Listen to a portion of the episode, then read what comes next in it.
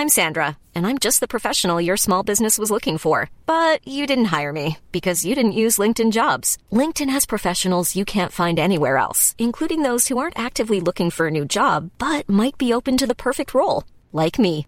In a given month, over 70% of LinkedIn users don't visit other leading job sites. So if you're not looking on LinkedIn, you'll miss out on great candidates like Sandra. Start hiring professionals like a professional. Post your free job on linkedin.com/people today.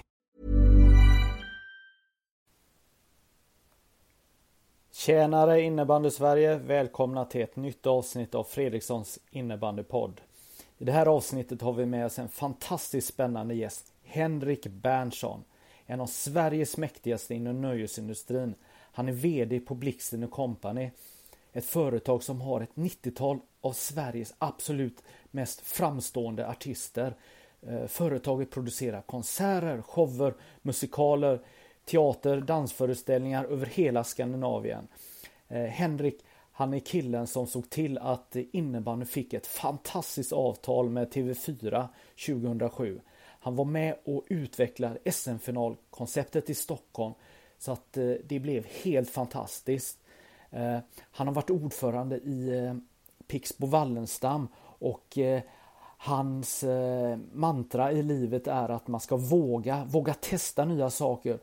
Om du inte dör så kör du. Han är otroligt kreativ och det ska bli jättekul att, eh, eh, eh, att ni ska få lyssna på när han pratar och berättar om sina erfarenheter. Eh, Som ni vet så kan ni lyssna på det här avsnittet via iTunes, Podcast och Podtail. Okej grabbar och tjejer, nu kör vi! Välkommen till ett nytt avsnitt av Fredrikssons innebandypodd med Henrik Berntsson.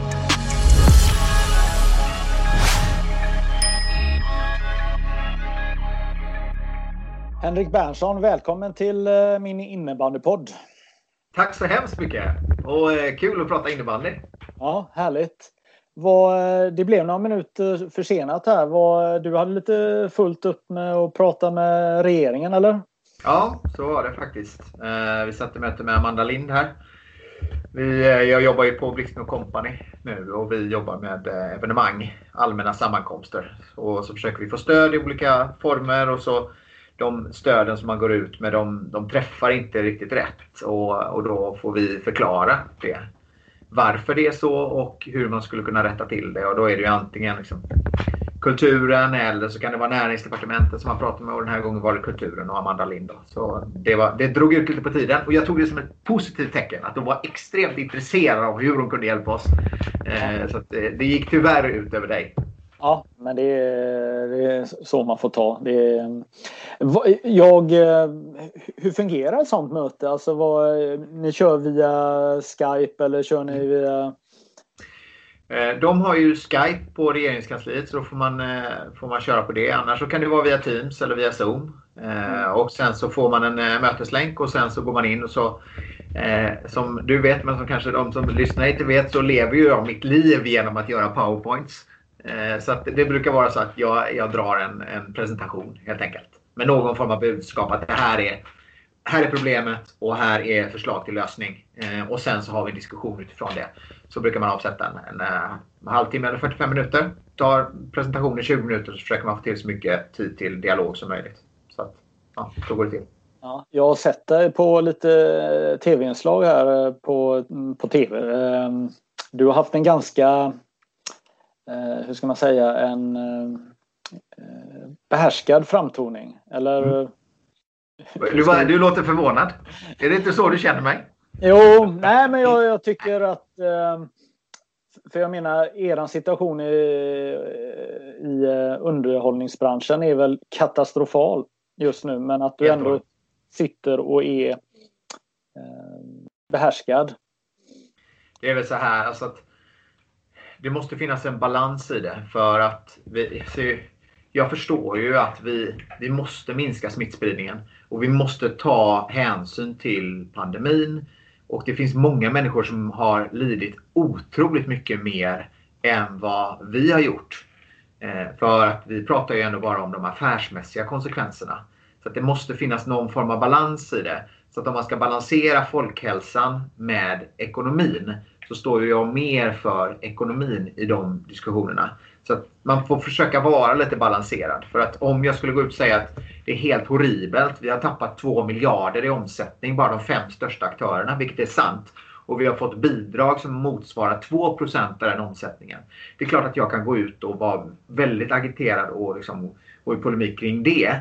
Men det skulle nog uppfattas som lite känslokallt.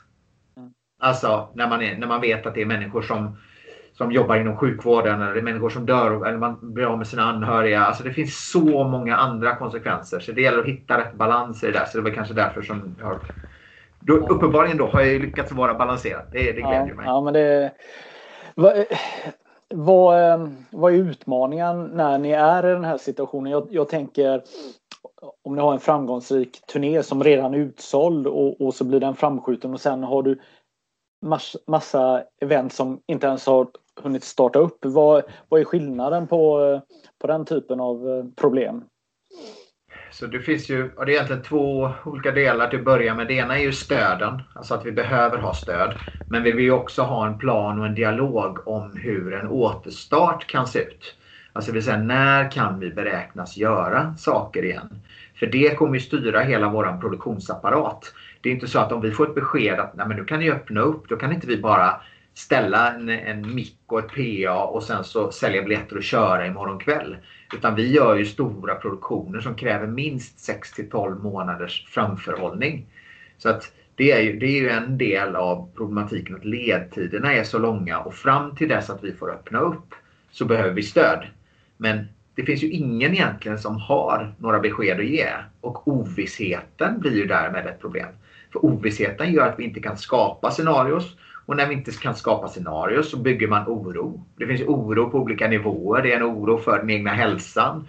Det är en oro för eh, Sverige och världen. Vad ska hända? Och sen så rinner ju det ner till en oro för eh, ja, det egna bolaget och den egna arbetsgivaren. Och kommer jag ha mitt jobb kvar? Kommer jag kunna betala av på, på lånen?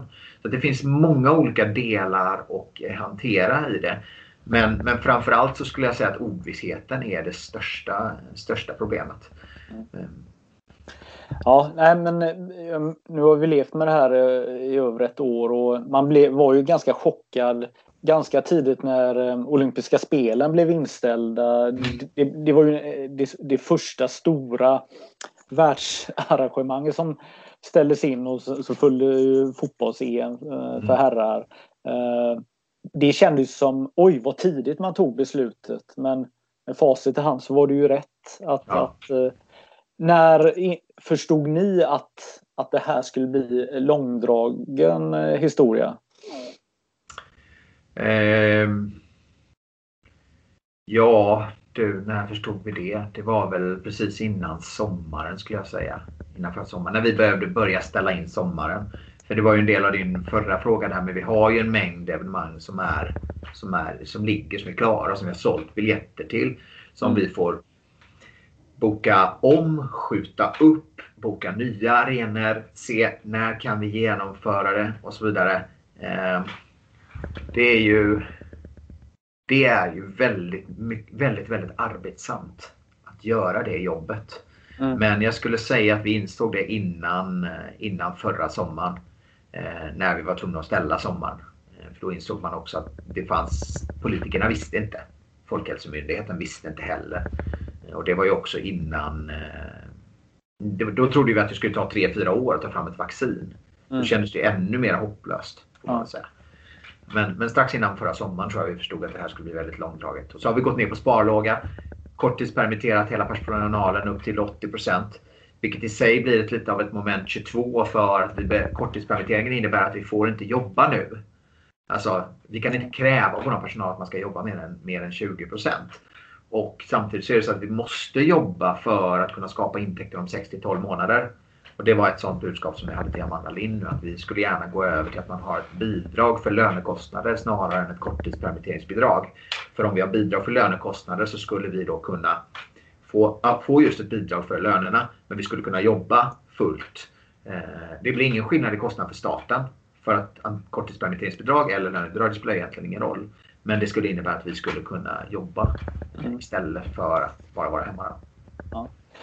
Eh, nu killgissar jag lite här men eh, jag får en uppfattning att kunden då som eh, alltså besökare som köper biljetter till event har fått en mer förståelse för hela situationen och kanske är uthålligare än man har varit. Eller hur, hur uppfattar ni att, att eh, publiken är eh, för situationen? Alltså vi har ju haft som grundprincip att vill man ha pengarna tillbaka så får man det eh, inom en, en viss angiven tidsperiod. Ja. Så att vi vet hur många det är som är sålda och inte så vi kan sälja biljetterna på nytt i så fall. Men det har inte varit någon jättebegränsning i tid. Men de allra flesta har valt att behålla sina biljetter. Så om vi tar då en, en turné som vi har liksom bokat som är med Miss Li, eh, Petter och Magnus Uggla som är en av våra turnéer då, som ska gå som en utomhusturné. Där är det väldigt många som har behållit sina biljetter. För de känner att jag vill gå på det här. Jag tror att samma sak är Håkan Hellström, inte ett av våra gig, men jag tror det är väldigt många som har behållit sina biljetter. Där. Vi har Céline Dion som vi ska köra, som vi har skjutit på ett år nu. Det är de allra flesta har valt att behålla sina biljetter. Så att, jag tror att när man väl har köpt den där biljetten så känner man att jag vill se den här artisten när, när den väl kommer. Jag tar inte och skickar tillbaka den för att få tillbaka pengarna. Det har inte varit vår upplevelse i alla fall. Sen tror jag det kan vara skillnad beroende på vad det är för innehåll. Men det är någon form av beröm till vårt innehåll i alla fall när eh, apparaten är igång igen kommer det bli överjävligt mycket evenemang eh, överallt ja. här nu då? Eller vad? Det tror jag. Jag tror det. Jag, jag tror det kan bli rena Klondike. Man kommer vilja resa, man kommer vilja gå på evenemang, man kommer vilja eh, kramas. Man kommer vilja göra så mycket saker som man har känt att det här har jag inte fått göra nu, men nu kan jag gå tillbaka till det. Mm. Eller så är det bara min förhoppning som talar här. Det, det kan det också vara.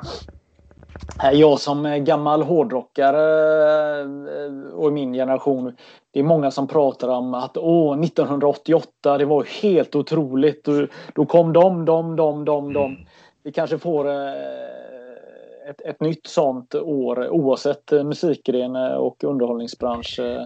Det tror jag nog. Jag pratade med, eh, med eh, Globen och Tele2-gänget så sent som igår och då sa de det är ju så här, man, man har en bokningskalender och det är man etta, två eller tre eller på, dag, på vissa datum. Och de sa det att det är mer regel än undantag att det är tre, tre stycken i kö på, på datumen nu mm. eh, längre fram. Så det tror jag absolut att det, det kommer att bli väldigt många som, som kommer ut på, på turnéer så fort de får. Mm. Och jag tänker att eh, vissa arenor som kanske är är tomma under sommaren. Jag tänker på Globen och, och Skandinavium och, och, den typen av... Att det också kommer ligga på, på andra perioder äh, än, än vanligt då, äh, evenemang. Ja, kanske, I väntan på att äh, vi skulle börja spela in så fick jag några minuter över här och då surfade jag runt lite för att hitta ännu mer inspiration. Men då hittade jag någonting på er sajt. Räkhäst, vad är det? Det är en föreställning som vi ska göra med Per Andersson som var precis lanseringsklar när eh, coronan egentligen slog till här. Och eh, Räkhäst är en hyllning till fantasin. För att Per hade hittat den när han rensade ut hemma så hade han hittat en lapp i en låda hemma där det stod räkhäst. Och det var liksom hans jag vet inte, tioåriga jag eller vad det nu var som hade skrivit det. Och kan man fråga sig vad är en räkhäst? Och då ville han göra en föreställning som han kallar just för räkhäst. Som skulle börjat på Lorensbergsteatern i eh, Göteborg. Men nu vet vi inte exakt då när, när den kommer att ha eh, premiär. Men den kommer att komma till Göteborg och den kommer att komma ut. Så det, den är, jag gillar ju Pers grejer. Alltså det, han, jag tycker han är fantastisk. Så det, det kommer att bli väl värt att gå och se. Ja, härligt. Vad, finns det några förmåner att jobba med en sån eh, rolig kille som han? Kommer han förbi kontoret eh, i, i vanliga fall och dra lite eh, räkhästskämt? Och dra lite, dra lite skämt? Nej, så funkar det inte. Det funkar inte så? nej, så funkar det inte. Men det är klart att det är ju, det är ju alltid otroligt inspirerande att jobba med duktiga människor. Oavsett om de är duktiga på att spela innebandy eller om de är duktiga musiker eller duktiga på att stå på scen som som komiker eller skapa föreställningar eller sy kläder. Jag tycker det alltid är inspirerande att jobba med de som är, som är bäst. Man, man kan lära sig mycket av det. Så på så sätt så är det ju fantastiskt förmånligt tycker jag. Eh, men det tyckte jag ju även när vi var i, liksom, jobbade i, i Pixbo på den tiden. Det var ju en oerhörd ynnest att få jobba med så duktiga spelare och ledare och, och människor. Så att, eh, det är nog det som är den stora förmånen skulle jag säga. Mm. Jag tänker att vi ska dra tillbaka bandet här lite. Du, ehm, du är ju faktiskt en av de mäktigare i nöjes-Sverige med, med tanke på din position idag. Men eh, jag tänker att vi... Kan du berätta din innebandy historia eh, lite kortfattat eller ja, dra på ja. om du vill också. Du vet att jag, har jag någonsin varit kortfattad undrar jag? Det, eh, det, det kan jag ens... Nej, jag bad dig skriva några rader här och det, det blev några A4. Ja. Exakt. Det är det jag brukar hamra på. Så att ja. kortfattat blir det säkert inte. Jag, jag kommer från eh, Göteborg då för de som inte eh, känner mig och var ordförande i Pixbo eh, mellan 96 och 2001. Och under den perioden så körde jag alla arrangemang också. Så oavsett om det var Västkustcupen eller Gotia Cup eller sommarproffsläger eller att vi drog igång Star Camp eller vad det nu än handlade om så, så var jag inblandad i det. Sen från eh, 99 till 2001 så var jag marknadschef på Unihoc. Eh, och jobbade fortfarande kvar i klubben och i Pixbo. Och sen så under tiden på Handel så skrev jag min D-uppsats om internationell marknadsföring av eh, innebandy. Eh, du, eh, nu, nu, nu springer vi långt fram här. Nu, nu, nu är jag för långt fram. Ja, alltså vad jag, vill, vad jag vill förklara också då som, eh, som innebandyintresserad är ju det att, att när du tog rollen som ordförande 96 var det va? Mm. Då, då var du 21 år och eh, ja. ung får man ju säga. Ung och lovande. Ja. ja. Jag är fortfarande lovande. Exakt. Men det är ju ändå Det var ju väldigt läckert att du eh, Eh, var yngst i styrelsen eh, och var i stort sett, du gick nästan från juniorlag, Pixbos juniorlag in i, och blev ordförande i Pixbo eh, som hette Pixbo då bara men sen blev Wallenstam. Kan du berätta hur, hur kom det sig att, att det blev så? Det var ju ja, men 95 och som sagt jag var väldigt engagerad i klubben innan. Var speaker på alla herrarnas matcher och gjorde alla arrangemangen och när vi liksom allting från intron och släckte ner och gjorde alla jinglar och jag var så sjukt engagerad. Alltså jag blir ofta väldigt engagerad när jag väl blir engagerad.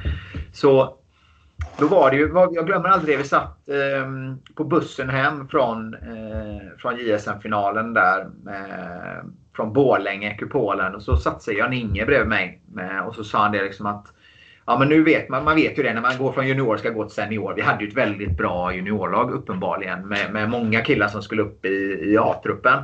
Och jag har ju alltid varit mycket bättre på att prata än på att spela. Eh, så det var rätt naturligt att jag inte skulle ta steget upp i A-truppen. Men jag ville ju fortfarande spela med de som var bra. Och då sa Jan-Inge det till mig. Liksom, att men du ska inte stanna kvar i klubborna. Du kan spela med B och C-lag här. Och så, eh, och så jobbar du med klubben istället. Och det kändes som det är klart att jag hade kunnat gå till någon annan klubb och sådär. Men det kändes ändå som att det var här jag ville vara. Och jag skulle precis börja på Handels. Så att det passade mig rätt bra att kunna kombinera liksom den teoretiska delen med studierna med det praktiska. Att omsätta allting i praktiken. Alla kurser som vi läste. Som jag sen tog rakt in i klubben. Och det är klart att när jag träffa sådana som är 20-21 år idag. Eh, så, så kan jag också slås av vilket, vad modig Jan-Inge var. Och Kristina Langgren var det också som satt i valberedningen som, eh, det var Kristina som ringde mig tror jag sen och sa men ska, du, ska du köra som eh, ordförande? Eh, då ska vi föreslå dig. Liksom. Och så tänkte jag bara, ah, vad har jag att förlora? Och så sa ju Kristina det också som jag ofta brukar tänka på. Eh, att, men Henrik, vad är, det, vad är det värsta som kan hända? Tror du att du kommer att dö? Så sa han. Jag sa, nej, det kommer jag nog inte göra. Nej, men då ska vi nog köra. Så att, det var väl att eh, bara jag fick det förtroendet och sen så kände jag bara att det är bara, det är bara att köra.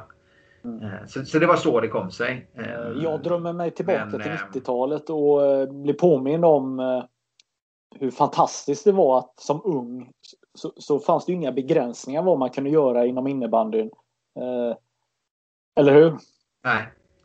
Jag håller helt med dig. Det, det var ju en pionjärstid när vi, när vi liksom vi byggde någonting nytt. Att allting kändes påverkbart. Jag glömmer aldrig liksom, när jag och Jan-Inge satt uppe med Hans Ljungberg på Härryda kommun och så här skulle de bygga en liten skollåda som, eh, eh som, som hall bredvid Mölnlycke idrottshall.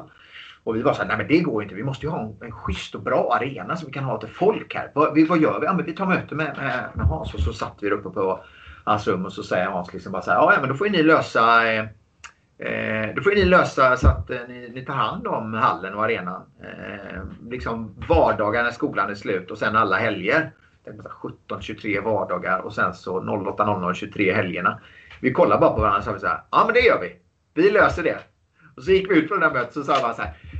Du, eh, om det här skiter sig nu, eh, ska du ta vardagarna då och jag tar helgerna eller vill du hellre ta helgerna? alltså bara den känslan att gå in och göra de grejerna. Det kändes som att nej, men vi, vi, vi, bara, vi bara kör. Ja. Eh, och den pionjärskänslan vet jag inte om den har försvunnit eller om det bara var en eller om det är en kultur som fanns och finns i Pixbo. Nu är det ett tag sedan jag var, var liksom aktiv i klubben så jag har lite dålig koll på det, hur det ser ut just nu. Men jag håller med dig, det fanns ju en helt annan nybyggaranda. Vi började ju spela musik under matcherna när vi tyckte att spelet var för tråkigt. Kommer du ihåg det? Mm. Alltså folk ja, blev ju helt, folk blev helt tokiga. Ja, ja alltså, du, eh, du lät ju när backparet uh, satte igång bollen så så sänkte du ner lite försiktigt ja, uh, efter exakt. de första passningarna. Jo, exakt. men det kommer jag ihåg. Folk blev helt jag... skogstokiga. Men jag tycker så här, det är svintråkigt att kolla på när ni bara går upp med bollen. Då är det bättre att det inte bara blir så här, man klipper musiken. Utan liksom, vi, vi, vi fejdar ut i det. Kommer ihåg Peter Anberg var ju, som jag för övrigt har spelat lite med här uppe sen uppe i Bo, ute i Nacka. Jag känner hans fru numera, jag var att hon var på TV4 också. Han var ju helt tokig på det där när han spelade i Jönköping. Fan, ni måste stänga av musiken när vi spelar! Va? Nej, det måste vi inte. Ja, det, nej, men ni, ni, gjorde ju allt möjligt. Ni hade cheerleaders och mm ja, det var ju kanske inte fullsatt på alla matcher när, när de var där, men, men, men ni försökte ju skapa något mer än vad det var innan och det var ju jävligt häftigt. Vi projicerade på väggarna, kommer du ihåg det? Ja. Eh, stora bilder på spelarna och liksom citat och sånt där som man kan göra nu för tiden med, med de stora skärmarna som oftast finns. Men då eh, tog jag ju liksom projektorn från Unihocs kontor och satte det på mittcirkeln och bara sköt upp en bild på hela kortsidan och så körde vi line-upper och allt vad det var. Det blev ju rätt bra faktiskt. Ja. ja men det, det, det, var ju härliga tider för eh, innebandyn var uppkäftig och ung och man kunde egentligen göra vad man ville eller inom vissa ramar då. Mm.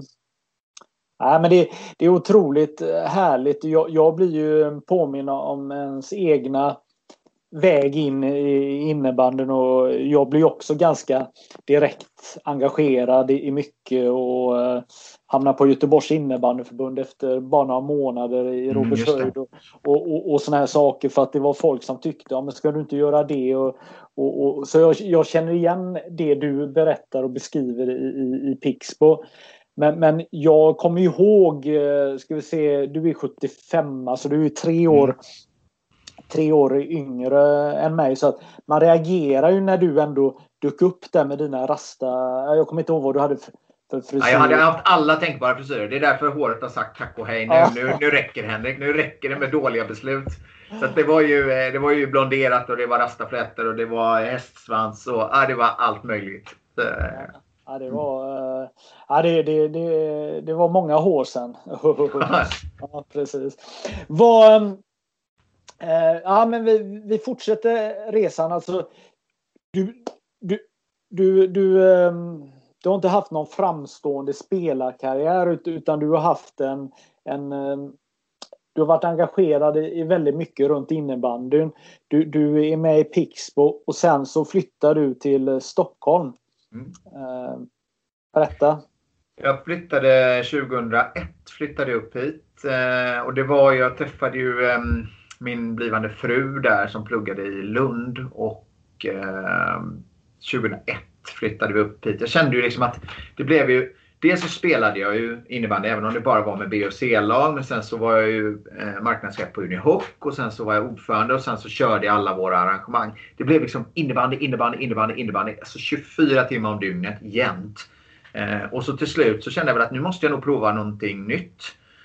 Och då kom ju Stockholm upp som ett eh, alternativ och så hittade jag sen ett eh, jobb på ett bolag som heter Eventum som jobbar med stora årligen återkommande evenemang. Idrottsevenemang till att börja med med Stockholm Open och Svenska rallyt. Och man hade gjort koncept, eh, en del koncept för Vasaloppet och sen så eh, gjorde man sen sedermera också Melodifestivalen. Och det passade mig ganska bra för jag hade ju liksom jobbat med idrotten men jag kom också från det organiserade hållet med, med sponsorer och partners och allt det som Eventum kom med. Och jag fick lära mig otroligt mycket på, eh, på Eventum. Men det var där jag började 2001. Just det. Jag vet ju om, eller jag nu i efterhand här, jag tror jag till och med gjorde någon krönika om det. Jag tyckte ju att du skulle ta över eh, svenska där och bli generalsekreterare och eh, ge dig en monsterlön så att de, alla kollegor blir förbannade. Men, men det var ju ingen som eh, eh det var ingen som ringde. Telefonen nej, var det var ingen som... Nej, precis. nej, nej, men, eh, Ja, men, för du hade ju under flera år eh, varit jäkligt driven och eh, framåt. Och, det hade behövts någon ung, hungrig, förbannad kille. Eh, som... ja, jag var ju fortfarande ung då. Det är ja. Eh, det var, jag var ju 26 när jag flyttade upp här. Ja. Ehm, så att det var ju, eh, ja, man var ju fortfarande ung då. Jag, jag hade ju min krönika också, kommer du ihåg det? På gamla Pixbos eh, hemsida som jag skrev eh, varje vecka och summerade matcher och tyckte till. Så här. Det kanske var därför de inte ringde. för att jag, jag kritiserar ju lite grann hej vilt till höger och vänster och uppåt och neråt. Ja, det, det är ju ganska, det är ganska kul här för att du hade ju bland annat en krönika som handlade om Haninge som då var mästare och kanske till och med regerande mästare. och, och, och, var väl på väg att vinna sitt tredje guld eller hur det nu var. Och, och du tyckte ju att man skulle kasta ut dem. För att, ja. Varför då? för att de inte hade någon publik och för att man kom dit och så fick man ett A4 i handen och det var deras matchprogram. De var ju svinduktiga på planen. Det kan man aldrig ta ifrån dem. Den femman de hade med med Kronstrand och Johannes och Micke Östlund och, eh, och Nesselqvist och Daniel Nordgren hette han väl va? Och Mårten Blixt i mål och Johan Davidsson. Alltså, det var ju ett fantastiskt lag. Men det var ju bara laget på banan. Och jag brann ju för att göra sporten större. Och jag ville, det var ju därför jag skrev min D-uppsats om hur vi skulle marknadsföra innebandyn internationellt för att den skulle kunna komma med i olympiska spelen. Men man kommer inte med i olympiska spelen när man har ett A4 som matchprogram eh, hos de svenska mästarna. Om det är det bästa vi kan visa upp, då, då tycker jag vi liksom ska göra någonting annat. Eh, det var min tes. Eh, Sen att vi fick stryk mot dem i SM-finalen eh, och att de vann på våran hemmaplan den, den, säsongen. När jag hade gått ut och tyckte att vi skulle slänga ut dem. Det var inte världens bästa timing. Eh, men, men, men, sakfrågan tycker jag ju fortfarande var relevant. Ja, jo, men... Det var som en elitlicens. Det är liksom en elitlicens fast på publiksidan. Men, ja. Eh, ja. Nej, men jag tog faktiskt en bild på dig och Kenta Sjögren ihop i i korridoren, den lilla korridoren i Lisebergshallen. Du, eh, du såg väl lite jätteglad ut där? Eh, nej. Nej. de hade vunnit där, men... Nej, och som sagt var hatten av för de killarna som spelade och gjorde det. Kenta gjorde ett jättejobb med, med klubben och laget och sådär. Men jag ville liksom någonting mer för, eh, för sporten. Ja, men det, sporten befann sig i en, en ganska bekymmersam... Det, det var lite bekymmersamt med tanke på att eh, vi hade haft någon finalspel eh, som hade varit fantastiskt då mellan Varberg och Pixbo, mycket publik och så och så kommer Haninge fram då en, eh, ett, ett lag utan en riktig arena och Eh, man spelar en gympahall och man får SM-finaler i det nya millenniet i en ja. gympahall. Eh, det var väl också ett problem, eller ja. hur? Ja men alltså kommer du ihåg det, när de, när det från Idrottsgalan var det väl, när det bara fanns en enda eh, elitmatch som pågick under själva galan. Ja, vi klipper över ut i Torvalla sporthall. Mm. Och så såg det ut som, de hade lika väl kunnat säga hej vi klipper över till Leipzig 1976. Såg det ja. ut som i den sändningen. Eh, och jag kan säga så här, jag har ju spelat nu sen jag flyttade upp till Stockholm. Jag har ju spelat själv i Torvalla. Och det är knappt som man ser bollen på banan ens när man spelar. Eh, än mindre då i, mm. i TV. Mm. Så eh, ja, det märker ju på mig. Jag blir nästan... Eh, ja. jag blir upprörd nu. Sen måste jag eh, medge att, att eh, Haninge och Kenta och de här som, som brann gjorde ju några av SM-finaler ganska snyggt när man satte upp extra läktare bakom mål och, och det, det, var fullt. Så att man gjorde ju i, i, i, några av de här slutspelsmatcherna faktiskt det bra och snyggt. Ja, hur, ja. Men, men ja, det var ändå inte det var inte det steget vi ville ta från Globen och Nej. Eh, till Torvalla. Va? Nej, Nej så att, precis eh, så. Precis så. Ja. Eh, men eh, ja, ja. Man, det, man det, det, som, det, det, som är det roliga nu är ju det här att, att nu har vi Haninge. Men tyvärr har ju Pixbo satt sig lite i samma situation som, som Haninge här nu. Och du som gammal ordförande och supporter till, till Pixbo då, då vill jag ju höra här hur, hur ska Pixbo ta sig upp nu från att man, man på något sätt är i källan publikmässigt och supportermässigt och till viss del också eh, runt engagemanget. Alltså, jag säger inte att det inte finns engagerade klubblagsledare för varje enskilt lag i, i, i, i Pixbo men man känner ju av att det är någonting som saknas. Hur, hur ska man vända på det här tänker du? Um, alltså jag tror ju att ja, du kommer ihåg när vi låg i topp i publikligan. Uh, vi jobbade otroligt mycket med våra arrangemang. Det skulle vara liksom, det skulle kännas festligt från det att du kom in i Lisebergshallen med ett liveband som stod i receptionen, receptionen heter det, men i lobbyn eller i, i, liksom i foajén. Eh, till att när du kommer in så är det tävlingar, det var stadiumskottet och det var bra hög musik. Och, ja, men liksom det hände saker. Det kändes som att man, man var med om någonting. Och sen så blev ju spelet också otroligt bra. Spelarna var ju fantastiska. Um, ska ju säga att spelarna kan vara minst lika bra nu, men jag tror faktiskt man skulle börja med att göra evenemangen i den nya arenan. Fyll den nya arenan och se till att göra sjukt bra eh, arrangemang börja där för att skapa den känslan och, och kärnan att det här vill jag inte missa. Här vill jag vara med. Sen kan man bygga runt omkring det där med hur man kan få alla att vara engagerade och hur man kan få alla att eh, känna att det blir en spänning i matcherna och i evenemangen. Att hit vill jag komma tillbaka. Eh, det, jag tror att det finns en extremt stor möjlighet i den nya arenan att, att bygga, den här, bygga tillbaka den känslan. Det blir, blir någon form av nystart då egentligen ja, för Pixbo. Då. Ja. Precis. Mm. Ska vi se här. Eh, jag har skrivit upp några grejer här som du nej, jag, jag, tänker så här att innan vi går på mina intelligenta frågor så, så tycker jag faktiskt du ska fortsätta berätta om vad du mer har gjort inom innebandy. För du har ju faktiskt haft en väldigt central del eh, för innebandy på 2000-talet. Ja. I alla fall de mm. första åren. Eh, så ja. har du varit med på många sätt och vis. Ja, men det har jag ju varit. Ehm, och Alltså, om jag ska bara ta en grej till från, från den gamla Pixbo-tiden. Det är en sak som jag är otroligt stolt över. Det är att vi tillsatte ju Kristina Landgren Karstam som den första eh, kvinnliga tränaren för ett eh, manligt representationslag. Och det är ju nästan ingen av de andra sporterna som har, som har följt efter där. Ehm, och det, det, tycker jag är... Jag, jag, jag, kan inte fatta att man inte har gått den vägen och insett att, eh, att man kan diskriminera ett av, de, eh, ett av könen när, när det gäller den typen av positioner. Ehm, men, men det är jag otroligt stolt över att vi visade liksom, vägen där. Precis som Kristina rekommenderade in mig som ordförande när jag var väldigt ung. Vilket också är en, en sån diskrimineringsgrund som jag tror man missar nu för tiden liksom med, med ålder och hur man ska ta sig in och hur man ska få unga att vara engagerade i klubbar eller på företag eller vad det nu skulle kunna vara. Men det kan vi prata mer om sen. Men frågan var hur, eh, jag har varit engagerad i innebandyn efter det. Det var ju så att när jag flyttade upp till Stockholm så lämnade jag ju innebandyn lite grann. Jag började spela mer själv. Spela ett lag som heter Dubo här uppe. Och, och sen så gick jag på ett, eh, det här SM-finalarrangemanget som var på Hovet, det första, när Pixbo vann. Eh, och så kände jag att det här är ju så sjukt roligt att kolla på. Det är spännande och allting. Men det är ju inget folk här. Det händer ingenting.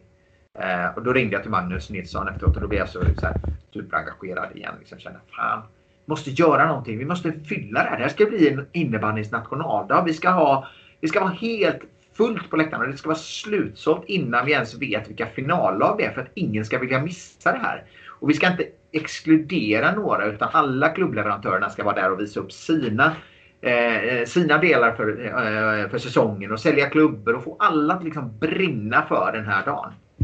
Eh, och då eh, tyckte Magnus att det lät som en eh, bra idé. Så då tog jag fram konceptet för hur vi liksom skulle fylla hovet och vad vi skulle göra och hur man skulle kunna eh, bygga det här. Så det var ju en del, så var jag ju med och, och påverka det. Ehm, och sen efter några år till där då på ehm, i, i, som jag höll mig lite grann utanför innebandyn. Så kom jag till TV4 och då var jag på TV4 i tre år. Och då hade jag hand om Idol. Ehm, och Idol var ganska litet först på den tiden. Men mitt uppdrag blev att hur kan vi kommersiellt utveckla Idol? Hur kan vi tjäna pengar? Hur kan vi göra partnerskap? Och då gjorde jag som att jag ville prata om TV utanför ditt eget vardagsrum. För TV på den tiden var ju mer liksom, det var linjärt. Man satt med sin fjärrkontroll och så satt man och tittade. Så funkar det inte längre. Men då gjorde man det. Och jag ville ta Idol till, utifrån tv-sofforna. Så att det blev viktigare än bara ett tv-program. Och det gör man genom att göra det live. Det gör du genom att ha mycket folk. Så att, eh, då eh, föreslog jag att vi skulle göra världens största Idol-final. Och det var ju en live-final på Globen. Vilket egentligen inte låg i linje med Fremantle som är de som är formatägarna med deras idéer. Så vi var först i världen med att göra världens största Idol-final. Och sen så gjorde vi roadshows där vi var ute och partners kunde vara med på ett annat sätt. Så vi, så vi utvecklade det där ganska rejält så att det blev TV utanför ditt, ditt eget vardagsrum. Och i och med att det gick bra då så tog jag ju chansen ah, också att säga att men jag tror att vi kan göra eh, det här med en idrott också. Fast här kan vi göra det tvärtom så att man tar det in i TV-sofforna och man utvecklar en sport på ett annat sätt. Där man gör det tillsammans med sporten. Och jag tror att jag har ingångarna för att göra det presenterade jag det eh, för TV4 och sen så pratade jag då med Magnus Nilsson och, eh, Per Jansson. Och sa att hej, jag tror att vi kan göra det här nu för att jag tycker att det var fullständigt hål i huvudet att innebandyn betalade SVT ett produktionsbidrag för att man skulle synas i TV. Ehm, det, det gick verkligen inte ihop för, för mig. Jag tänker bara liksom att public service och man ska stötta små idrotter och så tar man ett produktionsbidrag för att man ska man ska sändas. Så sa jag det till dem att jag tror att jag kan lösa en, eh, en eh, rättighetspeng till er. Så att ni får betalt för era rättigheter. Sen att vi också löser så att ni får en... Ehm, eh, att produktionerna betalas. Och sen också att vi gör en ny så kallad eventdesign. Hur ska det se ut i arenorna? För att för att innebandyn ska funka i TV så tror jag fortfarande att man får inte ha massa andra distraktionsmoment i rutan. Det får inte vara för mycket olika färger och småplottrigt och loggor på sarg och på golv. Och, eh, det måste vara rent och cleant. För att ser du inte bollen så kommer du inte heller se när det blir mål. Och ser du inte när det blir mål, då kommer du inte vilja titta.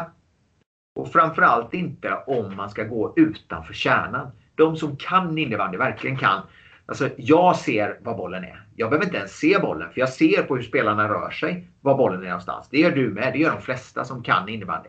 Men vi vill ju nå utanför den ringen och göra sporten större. Då måste man göra det enklare att förstå och man måste se bollen. Eh, så det var, det var en sån sak som jag också sa till fyran. Då, att, men det här skulle vi kunna göra. Jag tror att jag kan lösa det här om jag bara får en garanterad peng som jag kan ge till den här sporten. Så är jag ganska övertygad om att vi kan lösa det. Och så kan vi dessutom byta namn på högsta serien. För på den tiden så hette ju alla sporter hade ju elitserien. Och elitserien i hockey. Sen så var det elitserien i speedway. Och det var elitserien hit och elitserien dit. Och handbollen hette väl också elitserien. Och så sa jag så här, vi måste bygga ett eget varumärke här. För vi kommer aldrig att ta de här från de övriga. Och då skulle jag vilja ha ett, ett, namn som heter samma på svenska och på engelska. För innebandyns grundläggande problem i många länder har ju varit att det heter inte samma sak. Det heter sallibandy, unihockey, floorball, innebandy. Alltså det finns ingen gemensam nämnare i det där. Alltså fotboll heter ändå fotboll, fotboll, alltså någonstans nära förutom socker då i USA. Eh, men att vi skulle hitta ett namn som var samma på svenska och engelska. Så då sa jag att jag tycker att det ska heta Svenska Superligan, SSL, Swedish Super League. Och sen så berättar vi att det här är världens bästa liga i Sverige. I en lagsport, en bollsport. Det kommer vi inte ha i någon annan av de stora bollsporterna. Om vi kan behålla världens bästa liga i Sverige så kommer vi ha en, en skattkista att förvalta när vi tar oss in i olympiska spelen. För att då kommer världens blickar att blickas mot innebandy. Många kommer vilja spela. Så kommer man se, var är världens bästa liga? Nej, men det, den finns i Sverige. Det är helt unikt och det är ett fönster som vi har nu. Och kanske har fortfarande om inte finnarna springer, springer förbi oss. Ehm, så det var grundidén och sen så skrev vi det här eh, kontraktet. Då. Eh, jag tänker ju att, eh, måste stoppa i en sladd här också, att det är lite komplicerat kanske man inte ska säga att det är men, men det är ju på det sättet att oj, ja, ni får vänta en sekund jag måste sätta i sladd här. Det är proffsigt här. Uh, jo, uh, du måste ju sälja in det åt två håll eller åt, du måste sälja in det till innebandyrörelsen och sen så måste du sälja in det till, i det här fallet då TV4. Och vad jag förstår så var du tvungen att vrida till det ett par varv till då för att mm. framförallt få TV4 intresserad. För att de satt väl ändå med lite gamla värderingar vad innebandy var mm. och upplevdes. Så där behövde du göra lite extra, eller hur? Mm. Så då eh, drog jag ju alla kontakter jag hade. Så då gjorde vi en, pilot, en, eh, alltså en pilotinspelning på, på Globen. Så tog jag dit, vi tryckte upp speciella dräkter och vi gjorde det här dagen innan en av eh, SM-finalerna var. Och det var speciella dräkter och så hade vi Eh, drog ju min gamla kompis Finn Vikander. Han fick agera coach och det var liksom gamla ball, en, först, en femma med Wallrock-spelare med Lydeker och vilka det nu var mer. Och sen så tog jag liksom Runnestig och Daniel Jonsson och, och ytterligare några då som var med och Georgie Matthews som var målvakt i, i Balrog på den tiden som jag också kände. Då. Så jag drog ju alla kompisstrålar jag kunde hitta och så sa jag kan inte vi få låna arenan bara innan? Och sen så får jag göra en pilot och visa upp alla de sakerna som vi skulle kunna göra. För när jag tittar på den idag, jag tittade på den igår innan jag skickade över den. Jag skickade den till dig. Eh, det är ganska många av grejerna som hade varit roliga att se. Alltså, hur, hur hårt skjuter man? Att när det kommer ett skott, alltså bara visa direkt i rutan. Ungefär som när man, kör, när man kollar på ett störtlopp. Så ser man att han kör 130 km i timmen. Det är ju helt sjukt. Ja, men han sköt ju precis i 175 km i timmen. Vill du ha den bollen på benet? Nej, det vill jag inte. Men, men alltså att man, man blir imponerad av någonting och att visa liksom, taktiktavlor som är uppkopplade och, och sådär. Så att man fick göra någonting mer och där var ju den här kortsidesvinkeln med kameran som blev så otroligt omdebatterat. Så det, gänget på TV4 orkade inte med den längre och jag fattar det. Så. Man måste våga testa saker. Eh, ja. och det, det, var ju liksom, det är klart det blev väldigt statiskt eh, spelet och man fick inte djupet i det. Sen kan man säga så här, och det vet jag inte om jag har sagt till någon egentligen, men, men det var ett ganska tydlig brytpunkt i, eh, i tittarsiffrorna när man gick bort från kortsidesvinkeln. Så jag tror man tappade ganska många som, som var den här lökskalet utanför hardcore-fansen. Som ville att det skulle filmas som övriga. Sen så tyckte jag att grundidén var att man skulle skifta mellan kortsidesvinkel och långsidesvinkel. Ungefär som man gör i baseball. Alltså vill säga när de kastar så ser man det från kortsidan för då ser man när de träffar. Men när de väl har träffat så ska man klippa ut det. Då. Men eh, det är som sagt, man måste våga testa. Testa ja. idéer. Det är liksom, annars, så, annars så kommer man bara hamna precis inne i mitten till slut. Om man inte vågar närma sig kanten åt något håll så kommer man bara hålla sig i mitten och då kommer inget nytt att ske. Utan då blir det bara mer av samma. Mm. Nej, men jag, jag förstår ju situationen här när man ändå har ett stort mediaföretag som eh, gör en investering att man behöver skaka om och eh, fixa till saker. Innebandymagasinet och jag bland annat var väl en av dem som eh, sågade det här upplägget. Däremot kan jag säga Däremot, däremot där, så, så, så, är man innebandyälskare och det finns ju många gånger man har suttit och tittat på matcher från den vinkeln där det faktiskt är jättebra att sitta och titta live och sånt där. Så att mm.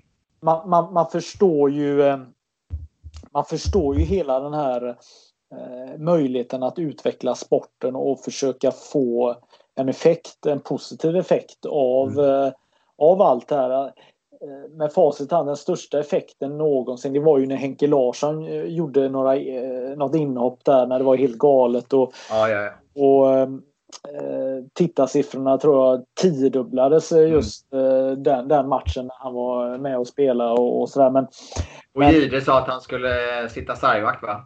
Ja, det? Ja. Och Gide är ju, han är, han är ju så jävla klipsk där. Hur, hur kan jag få en del av kakan? Och, mm. ja, det, nej, men det gäller ju att ta för sig i, i alla, alla situationer. Jag menar, det, det jag gillade med hela konceptet det var just det att, att det fanns en tydlighet från, från dig och från de som styrde där hur det skulle se ut i hallen, entré och, och alla de här bitarna och hur kamerorna skulle röra sig och sånt. Mm. Det, det, det, var ju nödvändigt för att, att det skulle bli en bra upplevelse för ögonen. Och det tycker jag var, det tycker jag var bra. Alltså om jag kollar på den här showreelen som vi gjorde från säsongen 2007-2008 där. Och det straffavgörandet med eh, när Magnus Svensson avgör och Kranberg sätter straffen i ribban. Alltså det är bra. Det är otroligt spännande och det är snyggt och man ser bollen. Alltså det, det är snyggt. Sen, sen om det skulle vara grått eller alltså glömmer aldrig när jag gick in i en färgbutik nere i, i Sölvesborg i Blekinge och sa liksom men kan jag få ett färgprov på den här? Och han bara vad ska det ha det här till? Eh, och då skulle jag förklara för honom att det här skulle bli ett golv i TV. Alltså det var ju bara helt... Han, han, kunde verkligen inte förstå vad jag skulle använda det här färgprovet till. Men sen om det ska vara grått eller om det ska vara blått eller om det ska vara rött. Inte vet jag. Alltså det, bara det är enhetligt så att man ser bollen. Mm. Ja, men det, det, finns ju en del problem med eh, att sända en innebandymatch. Jag tänker på ljus och, och att det kan speglas i golvet och, eh, mm. och att bollen ska synas. Vi har inte alls samma problem som isbandyn har men, men, men det är ju ändå ett problem för ett otränat öga att kanske hänga med i, i innebandyn eftersom det går så förbaskat fort. Ja. Vad, vad, var det mer för några utmaningar att, att skapa den ultimata sändningen? Eh, minns du tillbaka på att det var? Um, nej, alltså det var väl skulle jag säga att vi, vi skulle ha matcher på måndagar. Jag ville ha en fast tid varje vecka. Jag visste att klockan 19.00 varje måndag, då var det innebandy. För att utbudet är så otroligt stort. Och nu är det ju ännu större med alla on demand-tjänster och alla, alla eh, poddar och allting som finns. Att, att striden om människors tid är ju hårdare nu än vad den någonsin har varit. Och därför var vi väldigt tidigt ute med att säga att det här ska vara på måndagar klockan sju. Och då vet jag det. Alltså det är många klubbar som liksom, de, de, många spelare som har andra jobb och det, man måste ta ledigt från jobbet för att åka iväg och spela en match på en måndag. Det fanns många sådana praktiska problem med att få ihop det. Och då började vi ju se till att klubbarna fick extra pengar om det var så att de tog en måndagsmatch och, och sådär. Men det är klart att det, det var ju en del praktiska problem med det. Um, sen vet jag inte. Sen, sen, är det ju så att mycket teknik som kostar. Vi hade ju idéer om att vi skulle ha målvaktskameror. Eh, att vi skulle ha kameror på domarna så att man kunde få se vad de såg efterhand. Vilket ju faktiskt väl har kommit i hockeyn om jag inte missminner mig. Ganska många av de här grejerna har kommit i många andra sporter efter, efter eh, det att vi hade eh, idéer om det. Men, men det är klart att sånt var ju ganska höga kostnader förknippat med. Eh, så det var väl alltid en diskussion om det där. Vad, jag funderar, då gör ni ett avtal och det genererar pengar till innebandyn? Vad... Ja, rejält med pengar skulle jag säga. Ja, jag ja. behöver inte gå in på exakta summor men men eh, jag har svårt att tänka mig att man har eh, fått eh, pengar i den storleksordningen vare sig innan eller efter. Eller jag, jag är 100% säker på det. Vilket var... Jag tycker det var så sjukt synd. Jag, jag lämnade ju fyran där 2008 för att gå till eh, Stockholm Globe Arenas, eller det som är Stockholm Live idag. Och eh, då var inte jag kvar. Och då fanns det ingen på fyran som brann så mycket för innebandyn eh, som jag gjorde. Så då kanske man var lite mera man släppte iväg lite mer saker och, och sen så vill ju då klubbarna också ta tillbaka och säga så här, nej men vi vill ta in egna partners. För det här byggde ju på att eh, just på TV-matcherna så skulle man göra sargen helt ren. Vi kom dit med en helt svart sarg och vi kom hit med ett helt nytt golv. Bara för att skapa det här lugnet ner mot banan så man skulle se bollen på liksom alla typer av skärmar. Eh, och det är klart att då var det ju liksom lokala bilhandlaren eller den lokala eh, blomster butiken fick ju liksom göra avkall på sin, eh, sin sargbit just den matchen. Och då blev det ju diskussioner kring det. Varför ska vi göra det? Och nu vill ju vi synas i TV. Ja, men det spelar inte så stor roll. Det är, det är en lokal blomsterhandel. Det är inte bättre att ni ser det stor, den storheten i att vi, vi liksom lyfter innebandyn framåt. Så, eh, så då, då var det så att då gjorde vi ett kontrakt som gav innebandyn väldigt mycket pengar och då fick man då, då tog, eh, tog vi kostnaden för alla sändningar. Vi betalade för rättigheten plus att vi tog kostnaden för all eventdesign, alltså vill säga alla tyger som hängdes upp, eh, golvet som rullades ut och så vidare och så vidare. Men fördelningen eh, kontra klubbar kontra förbund, eh, förbundet var lite den tror jag var, i, i, om man ser tillbaka på det så tror jag utan att veta att förbundet fick en lite för stor andel av de pengarna kontra vad, vad klubbarna fick. Vilket innebar att klubbarna tyckte att de gjorde avkall på många saker men fick inte tillräckligt med pengar tillbaka. Vilket kändes ju ganska märkligt från oss på fyran då eftersom att vi tyckte att vi betalade en ganska rejäl slant för det här. Men sen så beror det ju på hur, hur den pengen fördelades.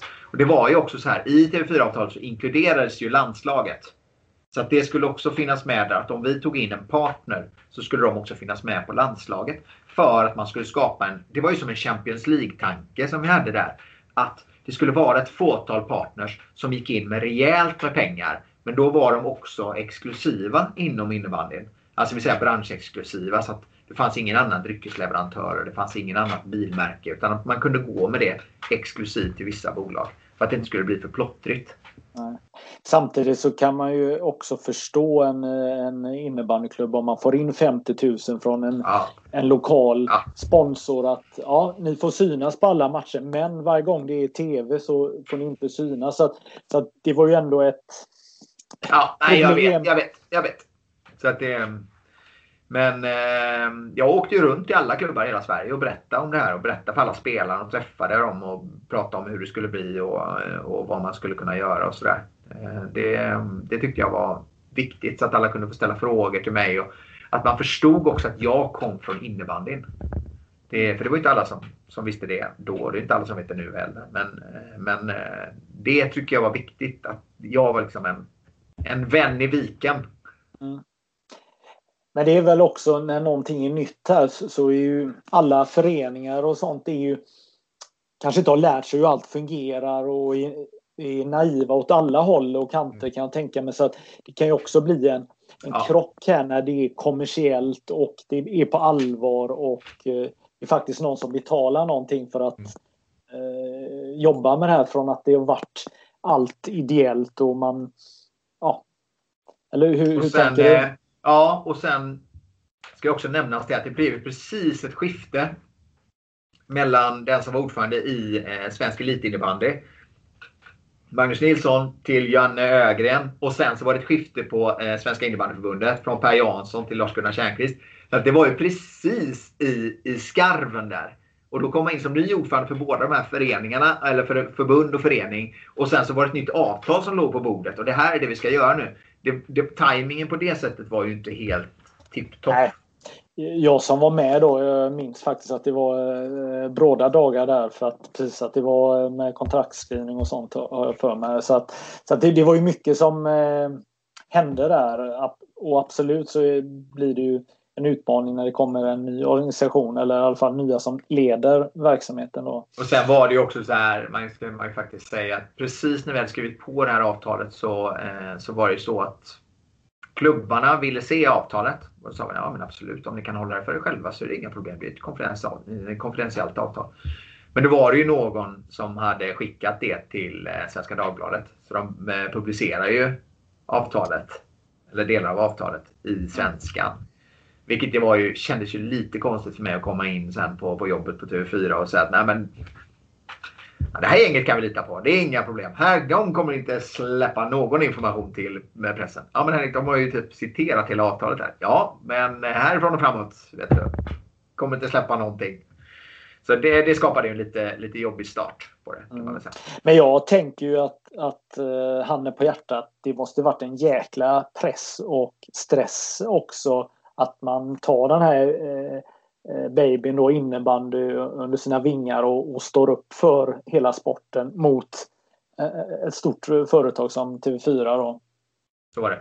Det var ju också, det, jag hade ju någon gång i tiden där, jag vet inte om du kommer ihåg det, men liksom med eh, Ola Wenström och gänget på TV4 Sporten när de nästan mobbade innebandyn. Alltså jag tyckte de var så fruktansvärt elaka i alla sändningar och det var alltid någon form av eh, veckans kalkon. Och, alltså det, det var ingen bra attityd mot innebandyn. Och då kände jag mig alltid så besviken och trampad på. Och då kände jag att nej, nu, nu är jag på insidan här. Nu, är jag på, nu kan jag verkligen göra det här inifrån. Men precis som du säger, det innebär ju också en väldigt stor press. Dels från, från fyrans håll, men också dels från innebandyn där jag hade väldigt stora delar av mitt hjärta. Eh, så det är klart att när man står mitt i, i den vindtunneln så blir det en del press. Men det, det tänkte jag inte så mycket på. Det är liksom, jag är tillbaka till Kristin, det Kristina sa. Vad är det värsta som kan hända? Tror att jag kommer dö? Nej, förmodligen ja. inte. Men med facit i hand så, så eh, står väl sig ändå det här konceptet som du presenterade och genomförde ändå för något väldigt positivt. Mm. Eller hur? Absolut, man ville ju att jag skulle komma tillbaka till TV4 sen. Det var ju baserat på det som jag hade gjort med innebandyn och sporten och liksom hur man kan jobba med idrott. Och, så då blev jag ju eh, ansvarig för affärsutveckling kopplat till alla sporträttigheter och gjorde modellen för hur man ska utvärdera en sporträttighet om det är någonting som man kan, kan göra någonting mer av. För att sporten var ju mycket en, och är ju mycket en motor i den typen av mediebolag idag eftersom att man kan få mycket betalt för, för sporten. Det är också därför som rättighet, eh, rättighetspengen för att köpa olika ligor springer iväg.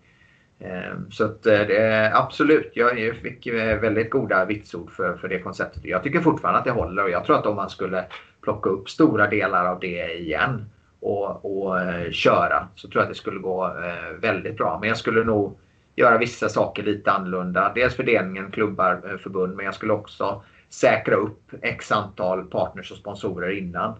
Ehm, så jag visste vilka pengar som man skulle kunna få in och hur man skulle kunna dela upp den där rättigheten. Jag tror att eh, det där skulle innebandyn kunna göra själva idag. Man behöver inte ha ett mediehus som gör det utan man kan, man kan mäkla det intresset som finns för innebandyn med, med sponsorer och annonsörer. Ehm, och göra det konceptet igen om man skulle göra det, göra det tillsammans. Mm. Det är jag helt övertygad om. Men det kanske är något för 2025. Ja. Då kommer man tillbaka vet du. Mm.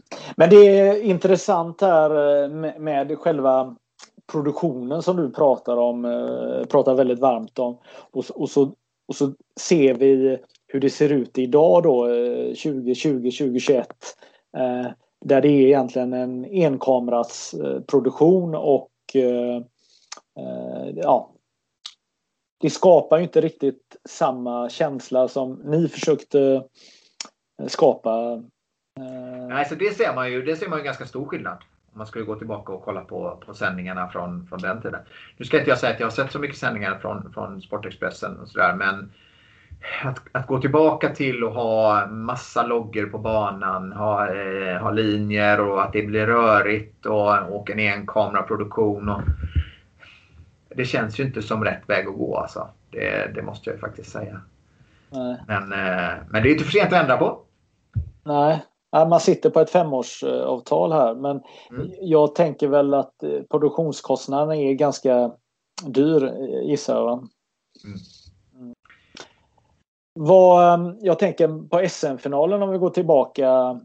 Ehm, efter några år så börjar ju andra idrotter titta på innebandyn. Exempelvis handbollen gick ju mm. och kopierade egentligen SM-finalkonceptet rakt av för att de åkte och gjorde studiebesök på SM-finalerna och ja, bara tänkte vad fan har innebandyn gjort? Här ligger vi efter. Och... Precis, som, precis som RIK gjorde i Lisebergshallen när vi hade matchen med Pixbo. De tyckte att, vad fan gör ni här? Alltså, de gick ju in och satte upp sina reklamskyltar när våra killar var inne på träningen. Och sen så ehm, um, berättade ju vaktmästarna där att uh, det var alltid någon från RIK som hade glömt någonting när vi spelade match. Så de var tvungna att komma och hämta i hallen och så stod de och kollade och sen Sen slutade det med att de ville ju ha våra ljusspel och eh, de ringde mig och frågade men du de här låtarna och välkommen till Göteborg och de här kan vi få låna din CD-skiva? Alltså, så att, så att det, det, det är uppenbart bra då de gjorde det även på SM-finalerna. Men tillbaka till, det, till att de kopierade då. Ja, det, det var väl Alltså vad, vad var det som blev bra med eh, det här SM-finalkonceptet med en final i Stockholm? Tycker du? Eh, jag tycker att det blir bra för att det blir eh, vinna eller förlora. Allting blir fokus på en match. Hjältar. Tittar du på finalen i fotbolls-VM, finalen i Super Bowl. Det är en match. Det är då det ska avgöras. Jag fattar det här med att man tycker att så här, nej, men det kanske inte är sportsligt rättvist. Och, och vad är egentligen sportsligt rättvist kan man ju fråga sig då. Men jag tycker att det, är det blir väldigt bra. Det blir ett spänningsmoment. Man vill inte missa den matchen. Och man får så mycket uppmärksamhet kring den dagen eh, som sporten inte skulle klara av att få om det är så att man sprider ut antalet matcher. Man skulle kunna få det lokalt och få ett annat engagemang kanske liksom om du är uppe i Storvreta eller Falun eller Mullsjö eller vad det nu skulle kunna vara och bästa av sju matcher och sådär. Men för gemene man så får du inte den uppmärksamheten totalt. Jag är ju för, jag har sagt till hockeyn nu, jag tycker att de borde köra en final. Friends Arena, kör en match, eh, 60 000 pers på läktaren. Det får ni inte ihop i bästa av sju. Det är bara om Frölunda möter Djurgården som ni har stora arenor som du skulle kunna få ihop mer folk än det. Skicka in det och kör det. Det skulle kunna bli Sveriges Super Bowl. Det kommer de aldrig att våga göra. Eh, men, men de skulle kunna göra det. Ehm, och jag tycker också att, att sluta upp kring en, ett evenemang där all, allting kan samlas runt. Alltså alla klubbleverantörer, alla som man träffar där. Det kan ha liksom, seminarier runt omkring. Distriktsförbunden kan, ha, kan ta dit alla som är eh, som har ställt upp under året och göra ledarresor dit istället för att få 300 spänn och, och en flaska Pommac så kan du lika väl göra en resa upp till SM-finalen. Så här, nu avslutar vi säsongen. Bygga liksom, lag och teamkänsla eh, kring ett sånt evenemang. Lite det som är innebandyns nationaldag. Det tror jag är den stora vinsten med, med det evenemanget. Men hur, hur skulle man kunna generera mer intäkter till innebandyn runt den här eh, finalhelgen? Eh, tänker du? Um, alltså dels så skulle du ju kunna förlänga den. Jag har haft massa idéer men jag har ju så mycket dåliga idéer också. Men eh, sen, jag, eh, jag, tänkte på en grej som man skulle kunna göra så här, om man vill ha eh, fler, att göra det till flerdagars evenemang. Alltså att du skulle kunna göra det flera dagar. Jag tror inte att man ska separera här finalen och damfinalen för det tycker jag är så, så bra. Men, men du skulle också kunna utse liksom, Sveriges bästa division 3-lag och så kör du en Final Four-turnering med med, med, bara, bara de vinnarna av de olika divisionerna som får ta dit sina fans och som får spela på SM-finalarenan. Det skulle kunna vara en sån sak där man kan liksom dra ihop många eh, och sen så också ha olika typer av seminarier runt omkring. Kring hälsa, kring teknologi, kanske kring mediaproduktion, ha utbildningar, speakerutbildningar. Eh, sådana saker tror jag man också skulle kunna addera på som liksom tilläggs produkter till, eh, till eh, finalen. Men sen så handlar det om partnerintäkter. Att göra det där på ett bra sätt och så att det ser snyggt ut. Sälja innehåll kopplat till det. Göra talkshows eh, som, eh, som man också skulle kunna addera och, och ha med annonsörer i. Och, och, få, få en stark uppslutning från näringslivet. Ja. Eh, det tror jag är den stora intäkten man skulle kunna få ut av det. För det, det kan jag säga, det ser jag i min bransch nu under, under Corona här. så Vi gjorde ett stort eh, evenemang med Veronica Maggio på, eh, på Nobis hotell i, här i Stockholm. Under, under pandemin och det var i samråd med Stockholms stad. Då, då var det 450 specifikt inbjudna gäster som fick komma dit. Men då är det så att då har man en ljusgård inne på Nobis hotell. Så då kunde de stå i sina hotellrum och titta ner i ljusgården på själva konserten. Man fick slottider när man gick in och man fick slottider när man lämnade så man möttes aldrig. Men det var ändå ett, ett, ett schysst arenarum. Men det hade vi aldrig kunnat göra om vi inte hade haft en stark partner i, i form av Red Bull som, som stod för det där. För de där biljetterna hade kanske kostat 15-20 000 spänn styck.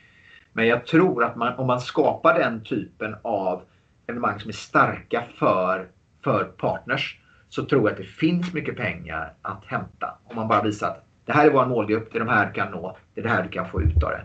Mm.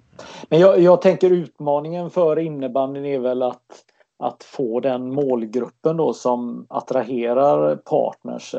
Jag tänker eh, man själv nu befinner sig i en gyllene ålder när man börjar närma sig 50 snart, vilket är skrämmande i sig. Men, men man men ålder, är, det, det ska jag använda. Det, det gillar jag, det uttrycket. Ja, nej men man är ju ganska...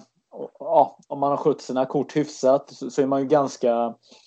Eh, ja, man kan betala för sig om man säger så. Mm. Jag menar, eh, släpp, släpper sina gamla hårdrockshjältar en vinylskiva så, så, så, kan man lätt betala in 850 spänn och få hem den eh, på posten och man kan eh, betala för sig. Jag tänker eh, innebandypubliken, eh, vi står och stampar här lite om om det ska vara barn på matcherna och vad ska biljetterna kosta och vilka är det som man marknadsför sig till då, tänker jag också. Eh, vad är dina tankar?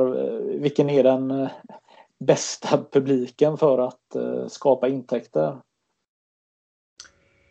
Um, alltså jag tror ju att om man skulle kunna göra riktigt bra familjeunderhållning av det så tror jag att det är någonting som man skulle kunna, eh, kunna tjäna bra med pengar på.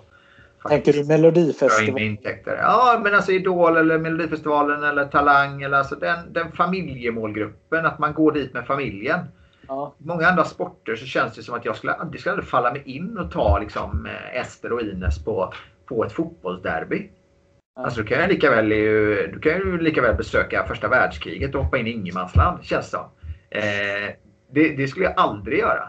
Eh, men här tror jag att man, man, skulle kunna ta en position som att hej, det här är familjerna. Sen förknippar ju vi ofta det här med att åh, det ska vara stämning och det ska vara sång på läktarna och man ska liksom, det ska vara mm, crowd chant eh, kopplat till matchen. Det kan man väl skapa ändå. Det är ju bara alltså, vi, vi, har ju, vi har ju inspelningsmöjligheter så det är väl bara att eh, skicka upp lite crowd chants på läktarna och låta alla sjunga med. Svenskar är inte så lätta att få, att få sjunga med på läktaren. Men om du får alla barn och, och ungdomar och familjer att göra det där och får det där, då tror jag att det, då kan jag, jag skulle kunna lägga mycket pengar på att hitta ett familjeevenemang som jag kan gå med. Om jag vet att varje söndag, säg att man skulle säga så här, men varje söndag då ska jag gå till Wallenstam Arena. För då är det fest, det är barbecue utanför och vi går dit tidigt och det finns massa saker att göra. Eh, alltså då kan jag tänka mig att betala mycket pengar för det för att min familj ska ha det bra. Eh, och ha någonting roligt att göra ihop. Mm. Det tror jag absolut skulle vara en, en bra målgrupp. Men man behöver inte vara rädd för att man liksom inte ska skapa stämning även med den målgruppen. Det måste inte vara fulla 17-åringar som, eh, som är maskerade, eller ja, maskerade måste man ju vara nu för tiden. Men eh, som, som liksom kastar eh, plåtburkar på varandra. Det måste inte vara det för att det ska vara bra stämning. Nej, nej.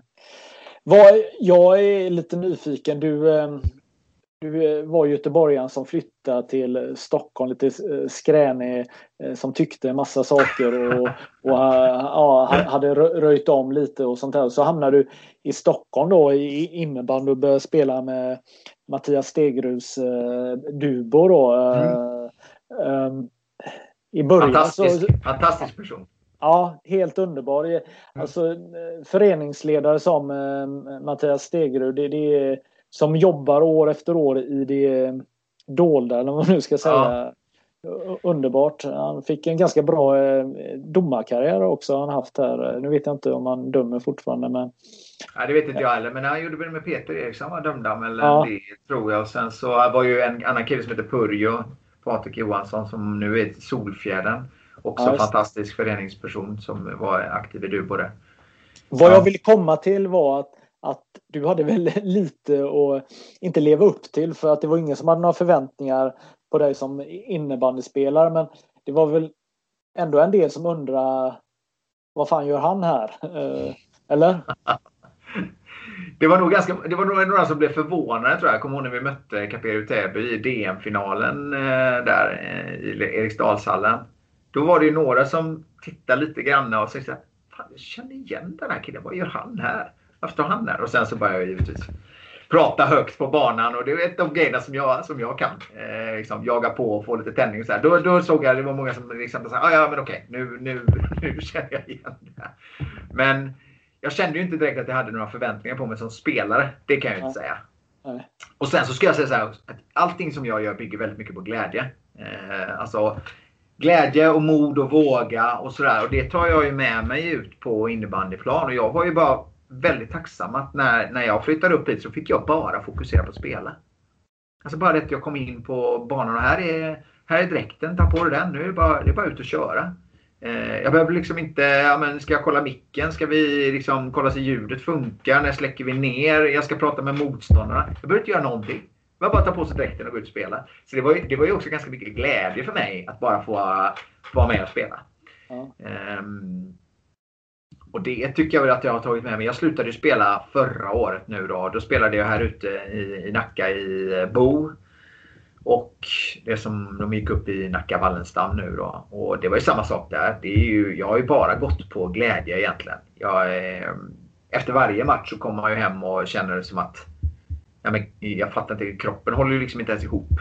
Man får samla ihop kroppsdelarna innan man ska gå in till, till jobbet på dagen efter. Och de på kontoret bara frågade, i början frågade de ju faktiskt vad är det du har gjort. Liksom. Det, du släpar ju fram. Nej, jag har spelat innebandy. Sen slutar ju de fråga. Och det är ju som min fru också säger, bara så här, men lägg av.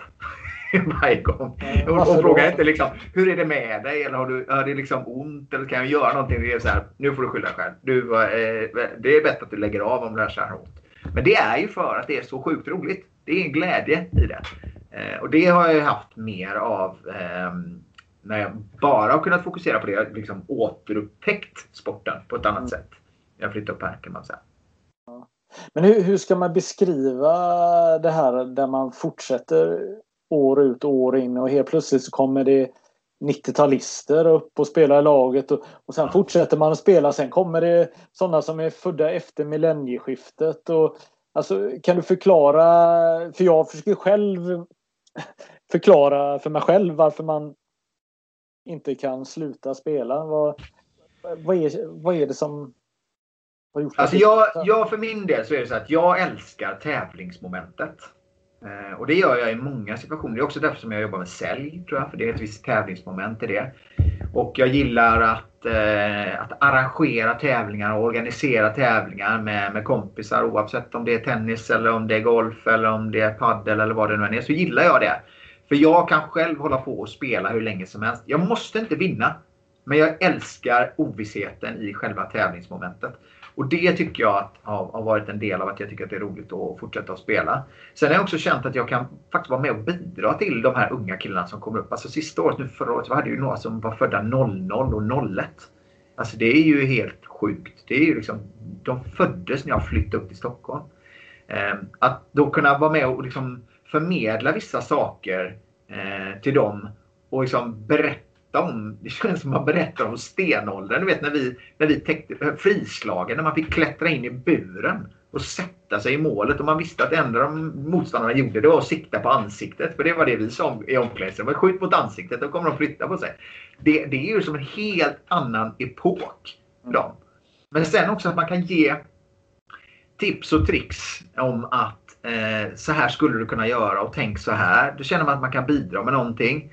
Och sen så i ärlighetens namn så älskar jag ju det här med att det har varit nästan det enda tillfället som jag haft de senare åren där, där man faktiskt ska säga det är okej okay att gå 100% in för att vinna. Det gör du inte i en företagsturnering eller det gör du inte på jobbet. Eller alltså, då, då, då går du inte in 100% för att vinna. Men när du spelar en en match en söndag eftermiddag i Torvalla sporthall mot Västerhaninge eh, i division 2. Då känner du så här, det här ska vi vinna. Och nu ska vi gå in och göra det här bättre än vad de gör det.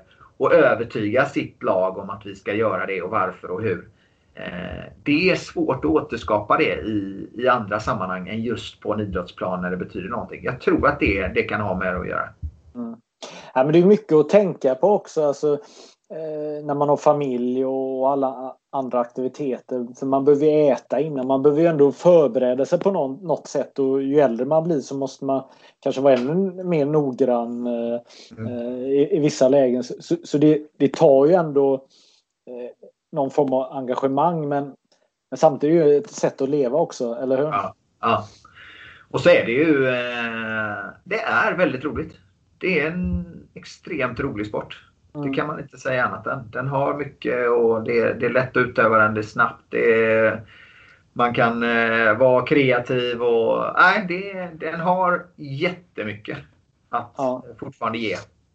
men det, det, är ju en, eh, någon form av tjusning också att eh, åldern är ju rätt blandad nu när man eh, själv, ja, både du och jag har blivit äldre och, och att mm. man kan möta riktigt unga killar och, och jag menar, nu blir man ju inte förvånad längre när man ser någon gammal motståndare som kommer och ja, ska du kolla på våra match? Ja, min son Pelle ska ni möta. Va? Så att, ja, du känner säkert igen det där. Ja, ja jag mötte Christer Kaltes eh, son eh, som jag spelade match.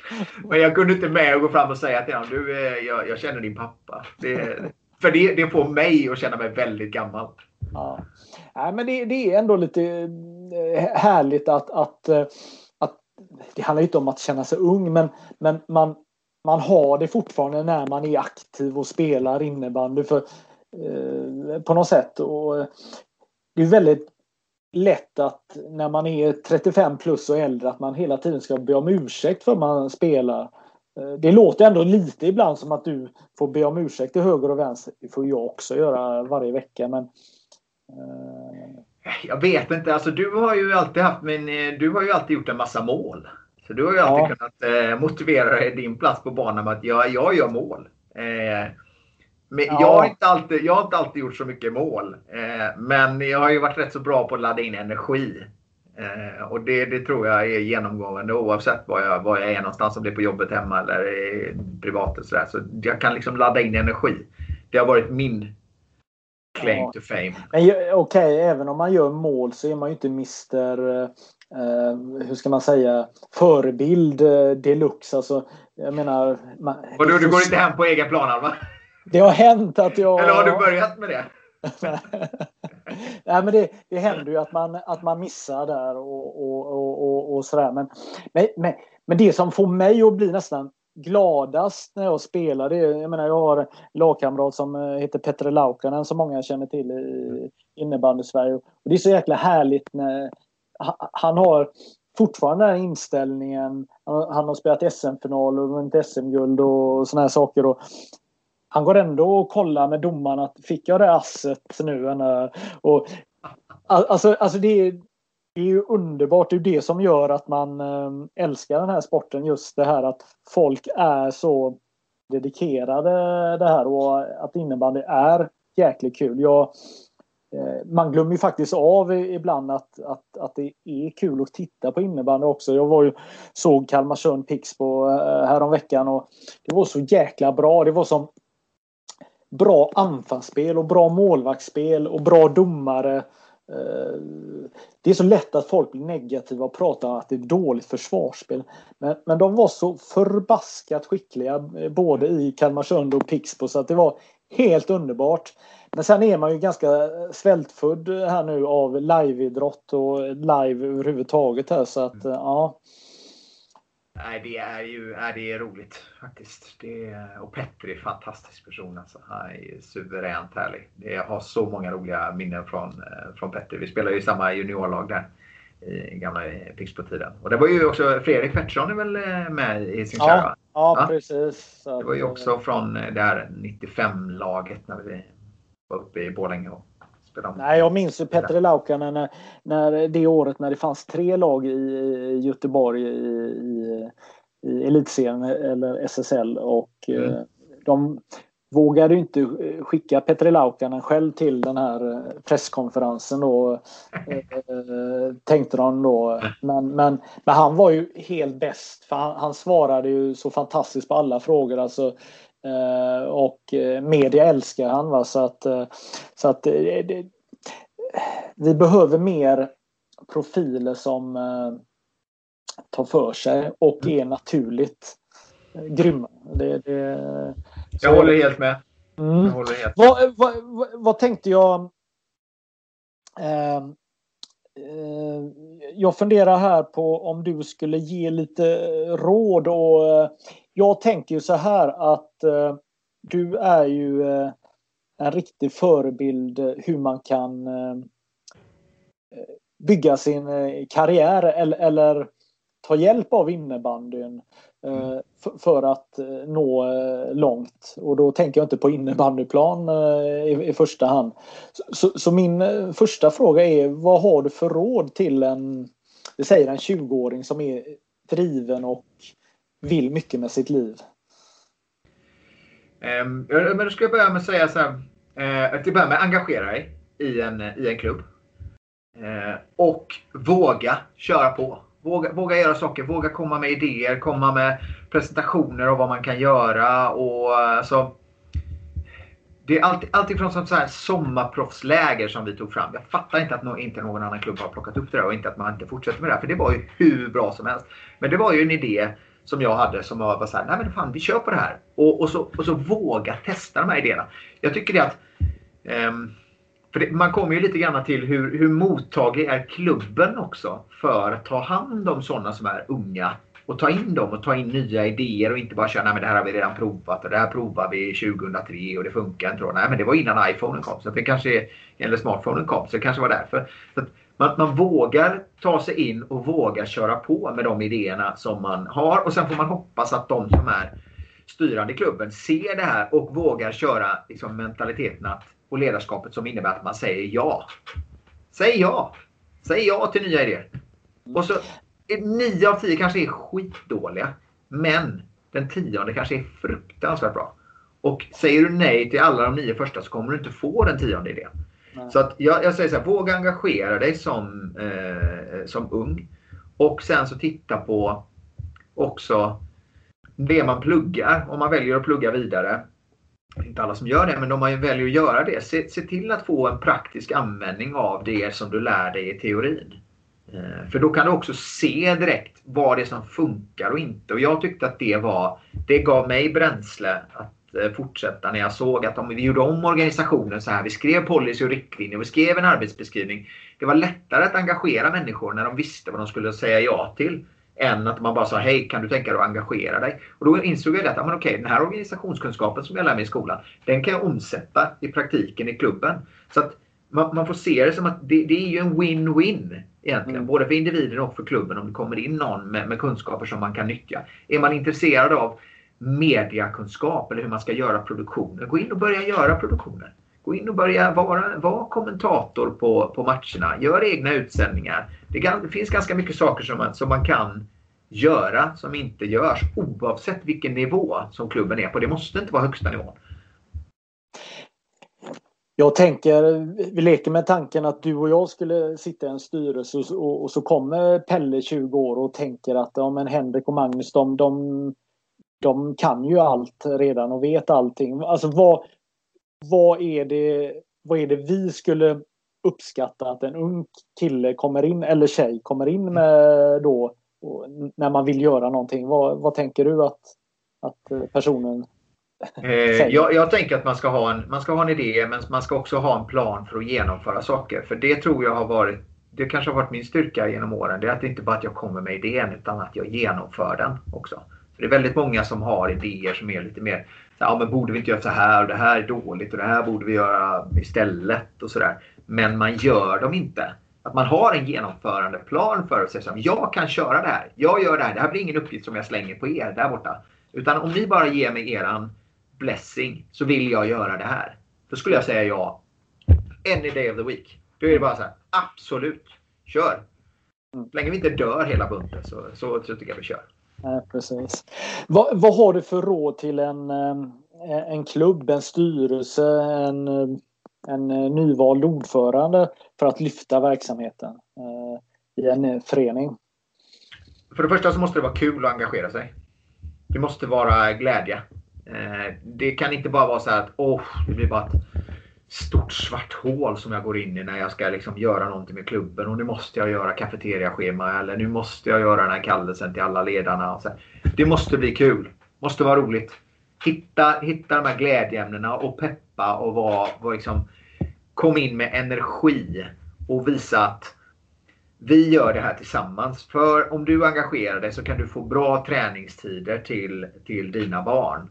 Och det är någonting som sen då kommer att generera att vi, vi bygger någonting eh, tillsammans. Att man ser att det finns ett syfte med det. Att man liksom inte bara så här, åh nu måste vi ha hjälp, nu lägger vi över allt jobb på föräldrarna. Och så dessutom så ska de eh, sälja, jag vet inte vad man säljer nu för tiden, kalendrar eller salamis eller så här. Vi, vi frångick ju det här med Bingolotto väldigt tidigt. Eh, med att alla tvingade ju folk att sälja Bingolotter. Men vi sa nej, du behöver inte sälja Bingolotter. Men ni kommer ha ett intäktskrav på ert lag för att vi ska täcka era kostnader. Ni behöver inte sälja Bingolotter. Bingolotter är ett alternativ. Sen har ni det här alternativet och det här alternativet och ni kan måla om klubbstugan.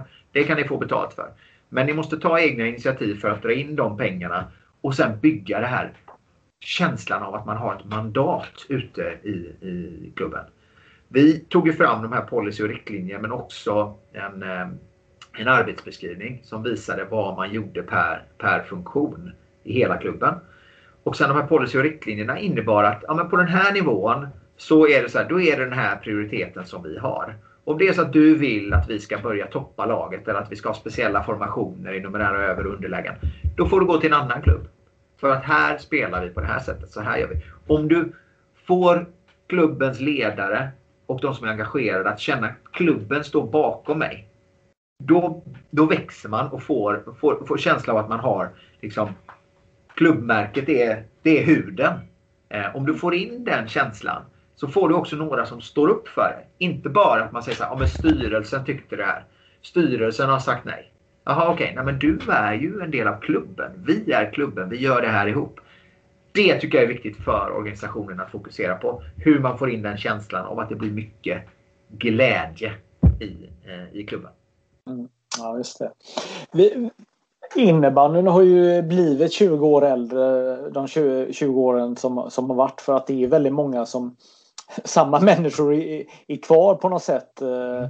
på, på, många positioner. Eh, den här ungdomliga delen har ju i många fall försvunnit. Eh, så att vi är inte lika naiva, vi är inte lika hungriga. Vad, hur ska vi lösa det här problemet? Där har vi så att det, det, kan man också säga, det är klart att jag var väldigt ung, jag var 21 liksom, när jag blev ordförande. Men, men de som övriga som satt i styrelsen, det var inte så att de var 62 och 63 år gamla heller. Så åldersspannet var inte så stort. Alltså det var inte så mycket äldre än mig. Men jag tror också så här att eh, om man vill få in många unga människor i föreningen och i den typen av poster så tycker jag att man ska ta in många samtidigt. Att det inte bara är en som kommer in.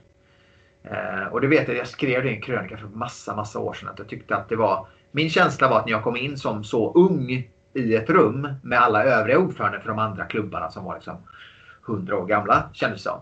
Då kände jag mig väldigt ensam. Och det kändes som att när jag kom in i ett rum också så jag, jag, jag kände mig diskriminerad och förbisedd. Man vände sig alltid till den som var äldst i rummet. Och då kände jag så här, men hej, det är, det, är, det är jag som sköter det här nu. nu, nu det är mig du ska ställa frågan till. Och den känslan tror jag kanske att exempelvis många tjejer har. När de kommer in i ett rum och man, man tilltalar bara mannen som sitter i rummet. Mm. Eh, och jag tror att om man ska få unga människor att känna att fan, nu ska ni komma in och nu ska vi vara engagerade. Då tror jag man skulle behöva få in många mm. eh, på en gång. Och att man känner att man gör det tillsammans. Så att det inte bara blir en. Ah, men vi har redan provat att ta in en. Vi tog in en 23-åring vet du. Nej, funkar inte alls. Nej, men då får du. För den personen känner sig superensam i den situationen. Så att ta in många, många samtidigt i så fall. Eh, det som kan stötta varandra. Då tror jag att man skulle kunna få in ännu mer energi i det.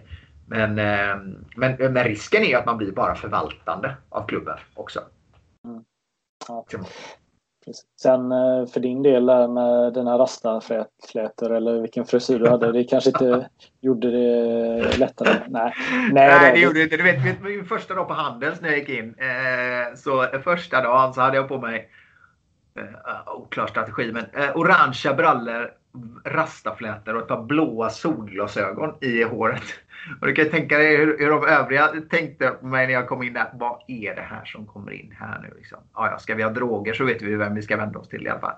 Men eh, sen, sen förändrar jag liksom givetvis.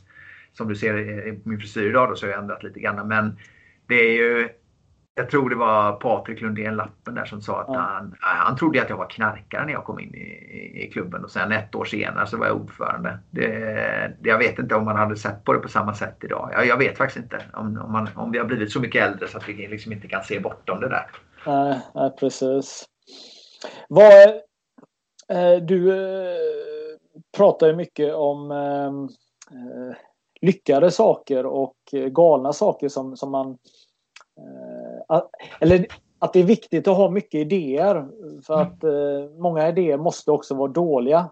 Ja. Kan, du, kan du berätta några galna... Eh, de behöver inte vara dåliga, det var bara att de inte funkade just då. Eller? Nej, men jag har haft så många dåliga idéer. Det, det är en uppsjö. Och eh, jag tror att det var det var Reid Hoffman, han som grundade LinkedIn, tror jag det var, som sa någon gång att om, om du inte skäms lite eller blir generad av den första versionen av din produkt så har du väntat för länge med att lansera den. Eh, och Det tycker jag säger någonting om att man måste våga komma ut med, med saker som man sen i efterhand känner att ah, men det där kanske inte riktigt var, det flög inte, men jag testade i alla fall. Och eh, Jag vet att det är, jag, jag har tagit den liknelsen ganska många gånger när jag fick i, i eh, juniorlaget i Pixbo där så, så fick jag från vår dåvarande tränare så sa han så här, men Henrik du måste våga, du måste våga dribbla, du måste våga utmana. Och liksom, har man sett mig spela innebandy så gillar jag ju det. Liksom, sådär. Men du får inte bli av med bollen. Eh, sa han till mig. Då sa ja, den ekvationen går nog inte riktigt ihop tror jag. För att om man ska våga så måste man också få misslyckas. Jag fattar att jag inte ska göra samma fint tio gånger i rad och bli av med bollen. Men om du säger att du vill att jag ska våga utmana så måste du också vara beredd på att jag, att jag misslyckas. Och Det är samma sak med idéer tycker jag. Våga komma med idéer Eh, och många av dem kommer vara dåliga. Eh, jag kommer ihåg, eh, ja, jag kan dra en story, den är, den är, den är ganska, den är rätt så rolig på tal om dåliga idéer. Nu var ju det i samband med en, med en fest som vi gjorde det på TV4 som, eh, som var ganska rolig. Men ja, jag drar den så får vi se. Eh, vi, var, eh, vi skulle vara, eh, ha en eh, julmiddag och det var ett tropiskt tema. Och eh, de säger till oss först så här att när vi går in där, ja, men sätt er med sådana som ni inte känner så att ni lär känna lite nya människor. Liksom. Det var 700-800 personer som jobbade på TV4 då, så tänkte vi så här, ah, det är så sällan vi, vi är ute ihop så att eh, ah, vi sätter oss ett gäng som känner varandra. Liksom, så har vi lite kul istället. Så började det med att vi plockade med oss massa grejer från den här tropiska buffén och skulle dekorera vårt bord. Och det var liksom ananas och det var bananer och det var koko, en stor kokosnöt tog jag med mig då, som jag tyckte var liksom, men det, här blir, det här blir kul. Och sen så efter varmrätten där då så tyckte jag att nej men okej, ska vi inte ha en liten namnlek här på tal om idéer då? Jag sa det, ja men ska vi inte köra lite namnlek här? Ett skepp kommer lastat och så tog jag upp den här stora kokosnöten då, som liksom, vägde väl tre kilo någonting. Och så var det väldigt stora runda bord och jag trodde ju att alla hade hört vad jag sa. Eh, så det var ju några som bara nickade mig och sa ja ah, men det är klart du ska göra det. Nej men eh, vi kör eh, namnleken i mitt huvud. Eh, så jag tittade på en kille som sitter mitt över bordet där borta. Då. Han var försäljningschef på TV4 Sverige. Han nickar till mig och jag nickar tillbaka. Och det, i mitt huvud så ser jag, jag är beredd på att du kommer kasta den här kokosnöten. Så att jag lassar iväg den här kokosnöten på, på tre kilo. Och precis när den är liksom mitt över bordet, ett stort runt bord. Då vänder han sig till sin bordsdam och börjar prata. Och den här kokosnöten, alltså, den, den klipper honom så hårt i huvudet så han liksom nästan trillar av stolen. Och det börjar liksom blöda här vid den här liksom, julmiddagen. Eh, och folk bara tittar på mig runt omkring mig. Vad fan, vad kastar du en kokosnöt i huvudet på honom? Och det var liksom de högsta cheferna på fyran som satt runt där. Eh, på tal om, om, idéer som inte alltid är de allra bästa så var det, det, det är ett ganska bra exempel på när, när idéerna inte riktigt flyger. Nej, Eh, men sen så har jag givetvis haft andra, andra tillfällen eh, också. Det var ju ett... Eh, en gång när vi var på ett väldigt fint ställe. Vi skulle göra om Sydkraft varumärke till E.ON. Och så var vi ute på ett, på ett ställe som var liksom en fin pir och en brygga. Och det skulle precis när vi skulle gå över så skulle allting skifta till rött. Från Sydkrafts liksom vita och orangea till E.ONs röda och vita. Och precis när det då ska gå över där, då går elen på, på det här stället. Jag har valt ett sånt ställe som inte... Och det, det är kanske the, the low point av min karriär när, när elen går när det är ett energibolag som har sitt, eh, sin varumärkeslansering. Ja. Eh, den, eh, det, det, var, det var inte så bra heller kan man säga. Då kan du förklara hur lång en sekund är. Eh... Ja, det är en evighet när du har en koncernchef som står framför dig och frågar Vad är det som händer Henrik? Ja. Då, det, då får man ställa ut värmeljus och vi hade väl, jag tror det var Orup och Lena Philipsson som fick köra akustiskt eh, i någon ring av värmeljus till då elen kom tillbaka efter 25 minuter eller vad det var. Då. Men det var så jobbigt alltså.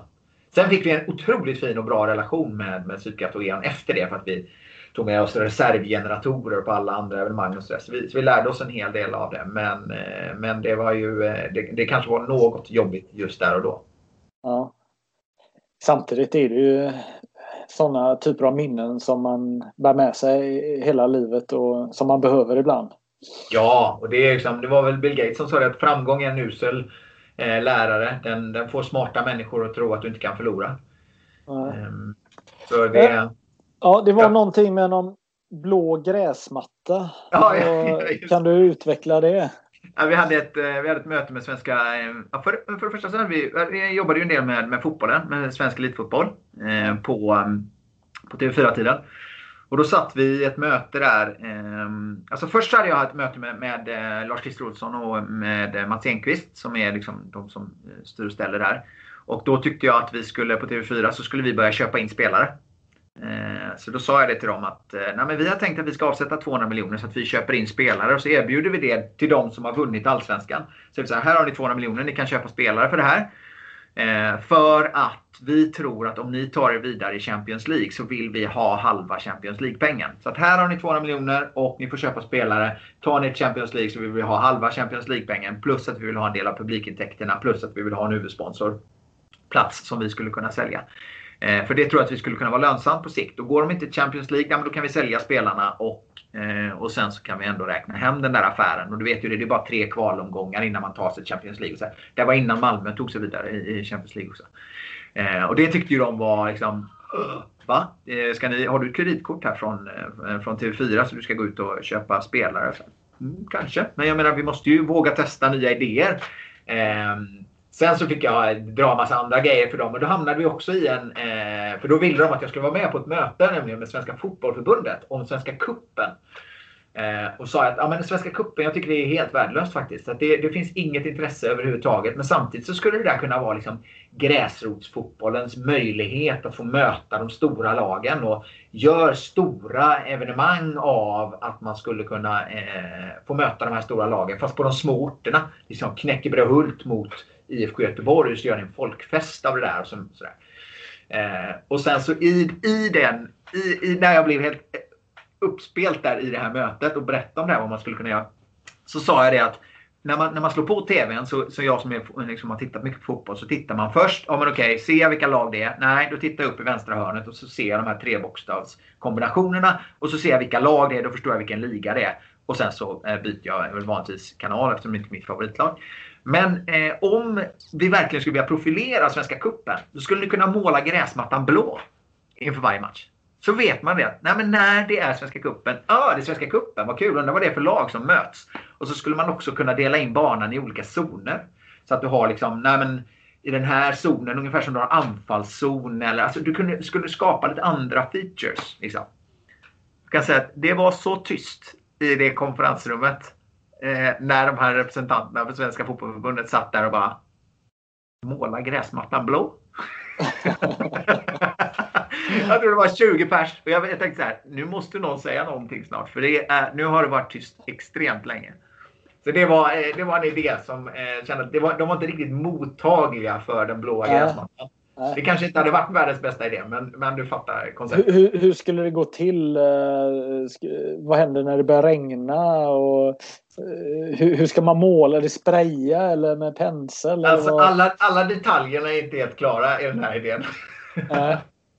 men du förstår, var, du förstår var den kommer ifrån. Ja. Eh.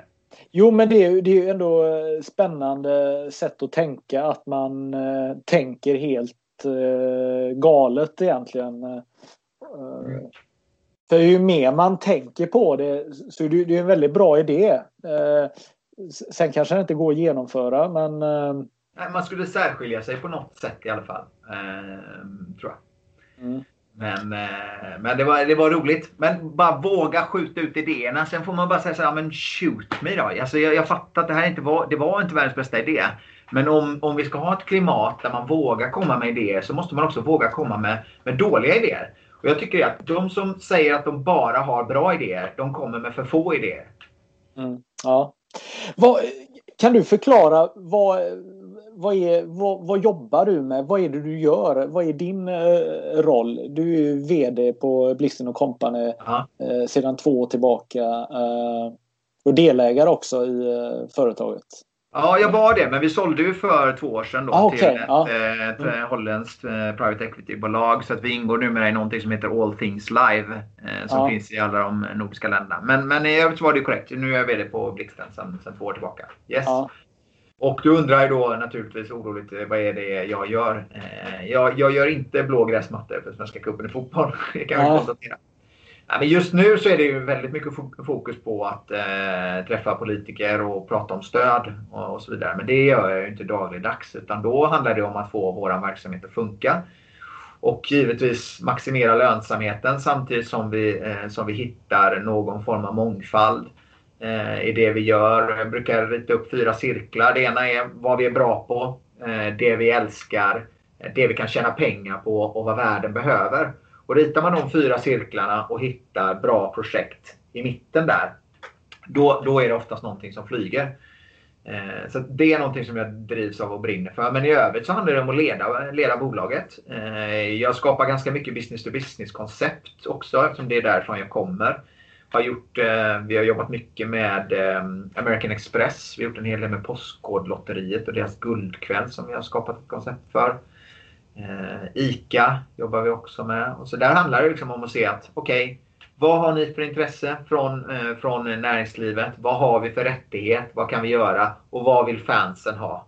Kan vi hitta några spännande, eh, intressanta eh, koncept som, som vi kan göra? Det är ganska mycket kreativitet i det och eh, affärsmässighet skulle jag vilja säga. Om man kan kombinera det så, så kan man hitta lönsamhet för alla inblandade. Det är väl det jag gör dagligdags. Ja. Leder personal också givetvis. Mycket personalfrågor. Så. Ja. Är du bra på det du gör då? Eh, jag vet. Alltså jag har roligt i alla fall. Eh, och eh, det är ingen som har sagt att jag är helt usel ännu så länge. Eh, så att så länge jag har roligt och jag inte får höra att jag är helt usel så, eh, så kommer jag nog fortsätta att springa på.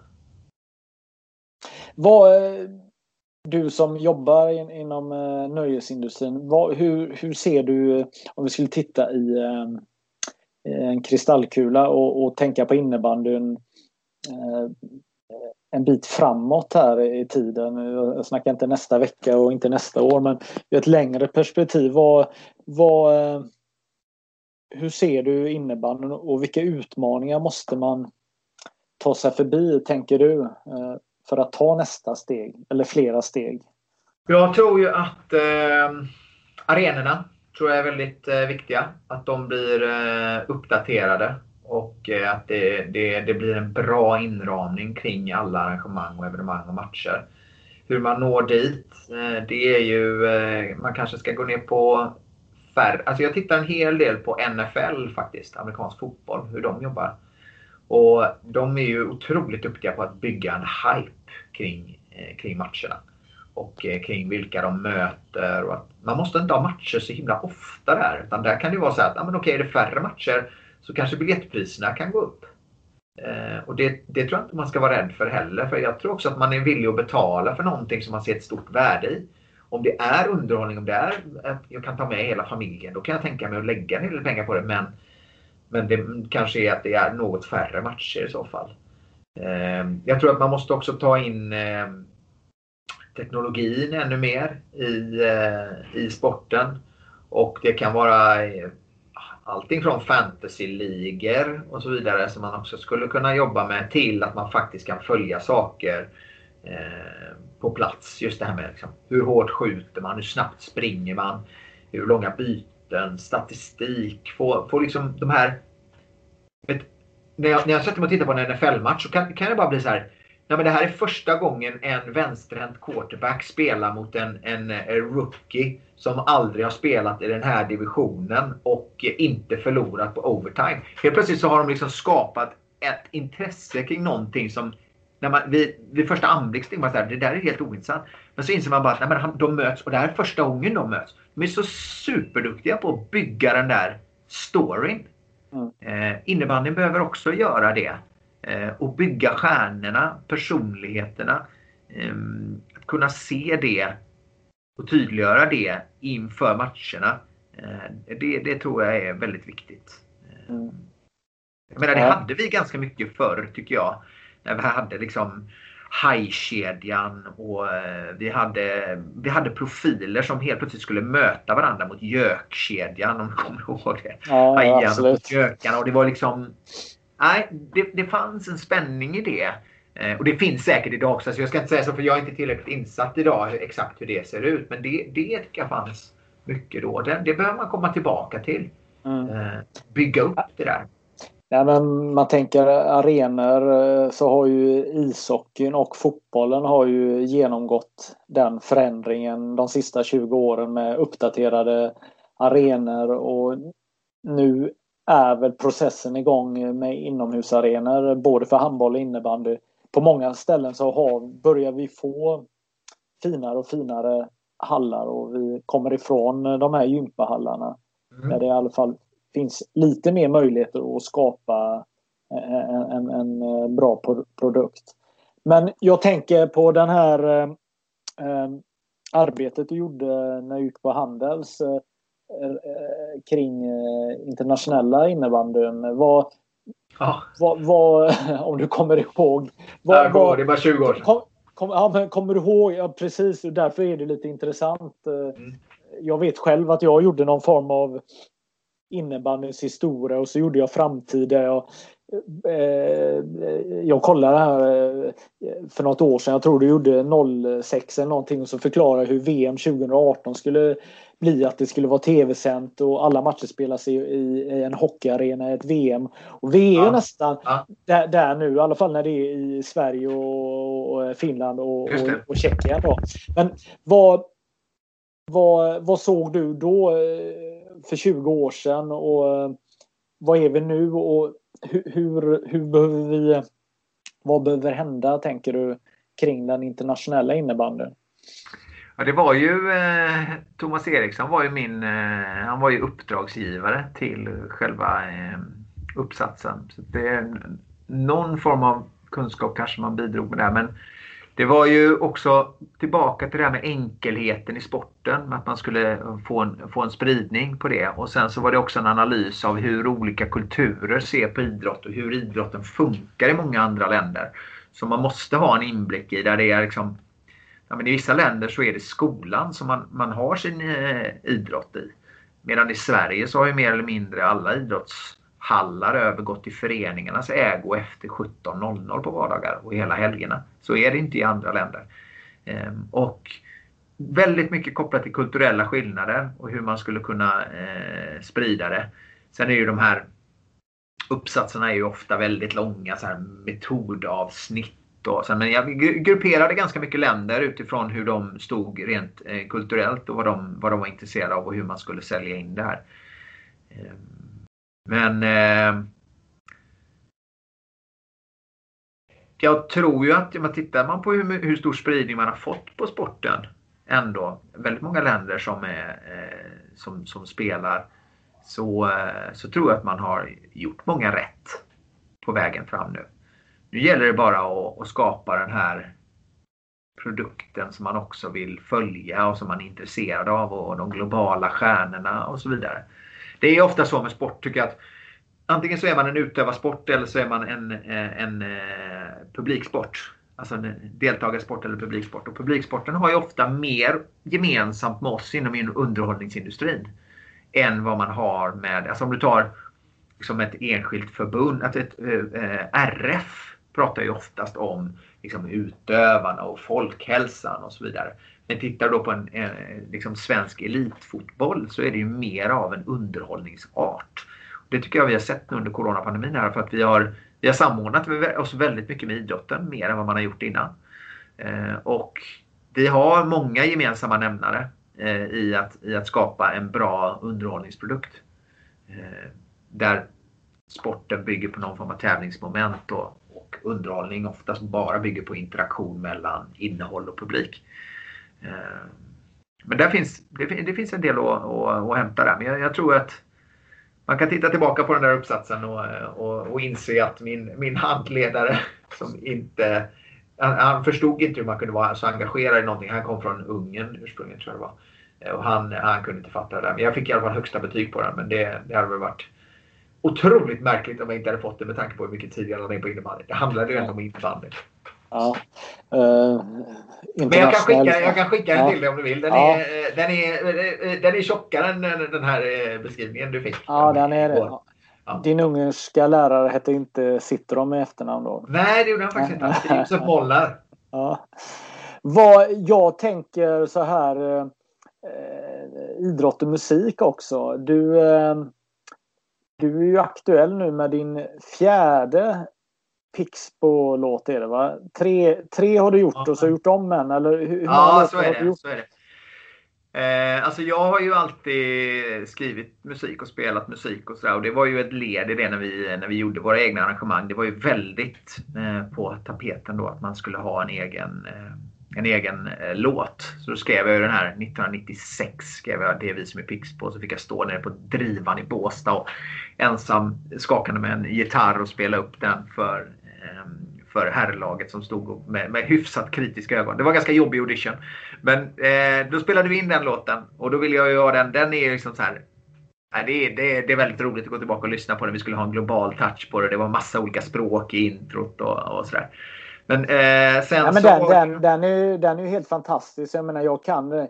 är vi som är Pixbo. Det är alla oss Nej, vad... Det är oss som alla andra vill slå. Det är oss alla andra vill slå. Alltså den, den textraden är ju den är ju eh, klassisk och magisk. Jag älskar ju också de här eh, idrottslåtarna så att eh, där lyckades du jäkligt bra. Ja, tack så mycket. Det var, det var väldigt roligt när jag kom upp till, till Stockholm och du var här så spelade jag med en kille som sa det. Ah, men du, vet du en sak? Vi, hade, vi, vi lyssnade på Pixbo-låten i vårt omklädningsrum när vi skulle peppa igång för match.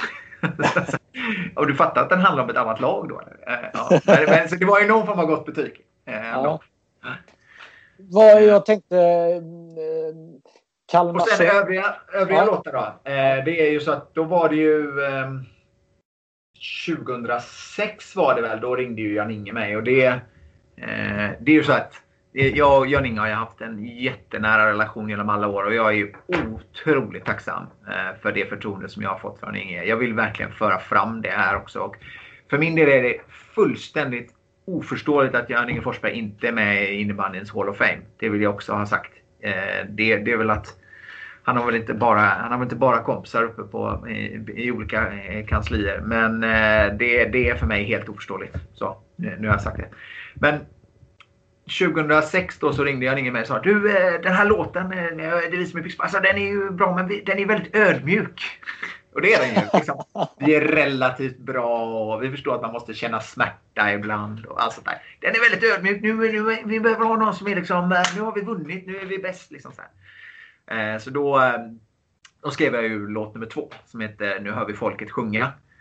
Och eh, den spelade vi in då tillsammans med Patrik Hellberg på, i tre drag och var nere i, i Göteborg och spelade in den. Och nu har jag gjort en ny inspelning av den. För att eh, för eh, ja, x antal månader sedan så ringde jag mig och sa så här, du nu, är, nu fyller vi 40 år här. Eh, skulle du kunna tänka dig att, att spela in en låt till? Liksom, skriva en jubileumslåt? Så, ja, det är klart jag ska göra det. Alltså, så länge jag inte dör så är det liksom. Det är klart vi kör. Så, eh, och i samband med det då så kontaktade jag en kille som heter Simon Sion som är otroligt begåvad musiker och artist och frågade honom om han eh, hade lust att hjälpa mig med att producera den. Så då har han gjort det tillsammans med eh, en kille som heter Jocke Nioff. Som har jobbat med John Lundvik bland annat och är otroligt begåvad också. Så då skrev jag låten och sen så har vi spelat in den nu och eh, den kommer ju då att eh, releasas nu i samband med Pixbos 40-årsjubileum. Och då kommer vi också släppa den här nyproducerade gamla låten. Då. Mm. Så, och sen så skrev jag ju VM-låten till VM 2014 i Göteborg. Då också, Dancing for Gold. Men det är ju liksom, jag, jag umgås ju, eller inte umgås, men jag träffar ju otroligt mycket begåvade eh, musiker eh, och låtskrivare och jag förstår ju hur, hur duktig man måste vara för att slå igenom på, på den nivån. Så jag är bara jättetacksam för att jag, jag ibland kan få vara med och, och skriva lite musik och, och låtar för att jag tycker att det är så otroligt kul. Eh, så det är jag ju tacksam för. Ja.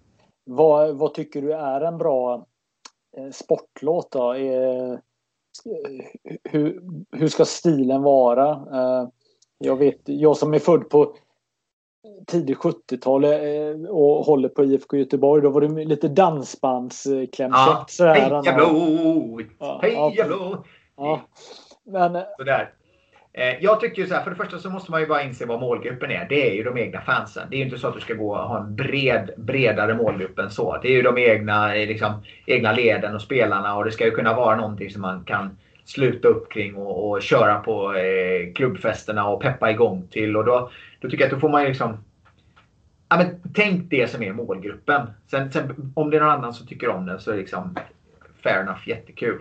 Men framförallt att det är, målgruppen. Och då tycker jag man ska ladda in energi. Man ska känna peppad på något sätt. Eh, så att man kan ha en användning för det. Om det är så att du har det på hemmamatcherna för representationslagen så vill du liksom inte, det ska, det ska inte vara en, en stråkkvartett som, eh, som får folk att somna under 10 minuter. Det, det tycker jag inte. Utan då måste liksom, man måste bara se vilken kontext som låten ska spelas i. Så då har du målgruppen och sen har du sammanhanget. Eh, och, och lyckas man träffa det där med också att träffa slå an några strängar i, i texten eh, som som i den här senaste låten då så heter den Välkommen till Pixboland. Eh, och i det här fallet så handlar det ju ganska mycket om att du, du är välkommen hit. Eh, och vi står upp för varandra. Vi gör det här tillsammans. Vi är vänner. Vi skapar en ny arena. Det här är våran borg. Det, det, det är liksom, vill du vara med oss så är du oerhört välkommen. Kom precis så som du är. Så, handlar, så mycket låten handlar om. Och samtidigt så är det också så här att det är, det är någon form av liksom vinkning till motståndarna också. Här, ja, välkomna hit bring it on. Härifrån kommer ni inte komma med några poäng. Eh, så det, det, är ju en, en tudelad eh, mening i den, dubbelbottnad. Och sen så är det ju som sagt var mycket det här med, med, med gemenskapen och, och eh, våga vara dig själv här. Här behöver du inte komma hit och skämmas för den du är utan här kan du komma hit och ha rastaflätor och orangea brallor om du vill så, så liksom får du chansen. Och det är ju någon form av stolthet också att representera klubben, att tillhöra mm. klubben, att, att ha sådana här låtar. Jag tänker också, vi pratade innan om inspiration och sånt här. Här är ju faktiskt också en sån här eh, sak som egentligen vem som helst som gillar en eh, innebandyförening kan göra. Alltså, eh, nu har du gjort ja. lite, lite officiellt men du kan ju komma från högerkanten och bara här har jag gjort en låt och, ja. och så det hade man ju kanske velat... Absolut, här är en hyllningslåt. Vem ja. tackar nej till en hyllningslåt? Jag har faktiskt skrivit en låt till där som vi håller på att producera nu då, men den skrev jag ju 2000, jag vet inte, en massa år sedan nu då. Det var väl 2016 som damerna tog SM-guld. Mm. Tyckte att nej men bam, nu måste jag skriva en eh, låt till det här. Så jag har skrivit den och så, här, så ville de ha den inspelad nu också då. Så nu håller jag på att göra produktion av den också. Men jag håller med dig. Du kan ju, vem, vem som sagt var, vem tackar nej till en hyllningslåt? Nej, och nu börjar ju Pixbo-låtarna bli så många så snart blir det väl en LP-skiva också här. Det, Exakt. Det, det, blir, det, blir en, det blir en skiva, det blir en Final Farewell Tour. Det, eh, alltså vi, vi, du kommer vara på varje spelning som du var på alla Kiss-spelningarna. Ja, precis. Du har ju, du har ju liksom en, en supporter som är där. Igen. Ja, nej, men det är... Och så olika Eh, tryck av eh, vinylskivorna så köper man alla och felpressar och ja, precis. Ja, det, ja, vad jag tänker så här att, att det finns egentligen hur mycket som helst att uh, prata med dig om uh, Henrik. Vi, det känns som att vi har bara varit och skrapat lite på uh, ytan här men jag, jag känner mig ganska nöjd så här. Vad, vad tänker du själv? Jag tycker det är så roligt att prata med dig. Det är så mycket gamla minnen som väcks till liv och precis som du säger, det finns tusentals stories som vi skulle kunna eh, prata om. Och, eh, jag är bara så glad och lycklig att jag fått sitta här och prata innebandy med dig i två timmar. Det är, tack, för, tack för inbjudan. When you make decisions for your company, you look for the no-brainers. If you have a lot of mailing to do, stamps.com is the ultimate no-brainer. Use the stamps.com mobile app to mail everything you need to keep your business running with up to 89% off USPS and UPS. Make the same no-brainer decision as over 1 million other businesses with stamps.com. Use code program for a special offer. That's stamps.com code program.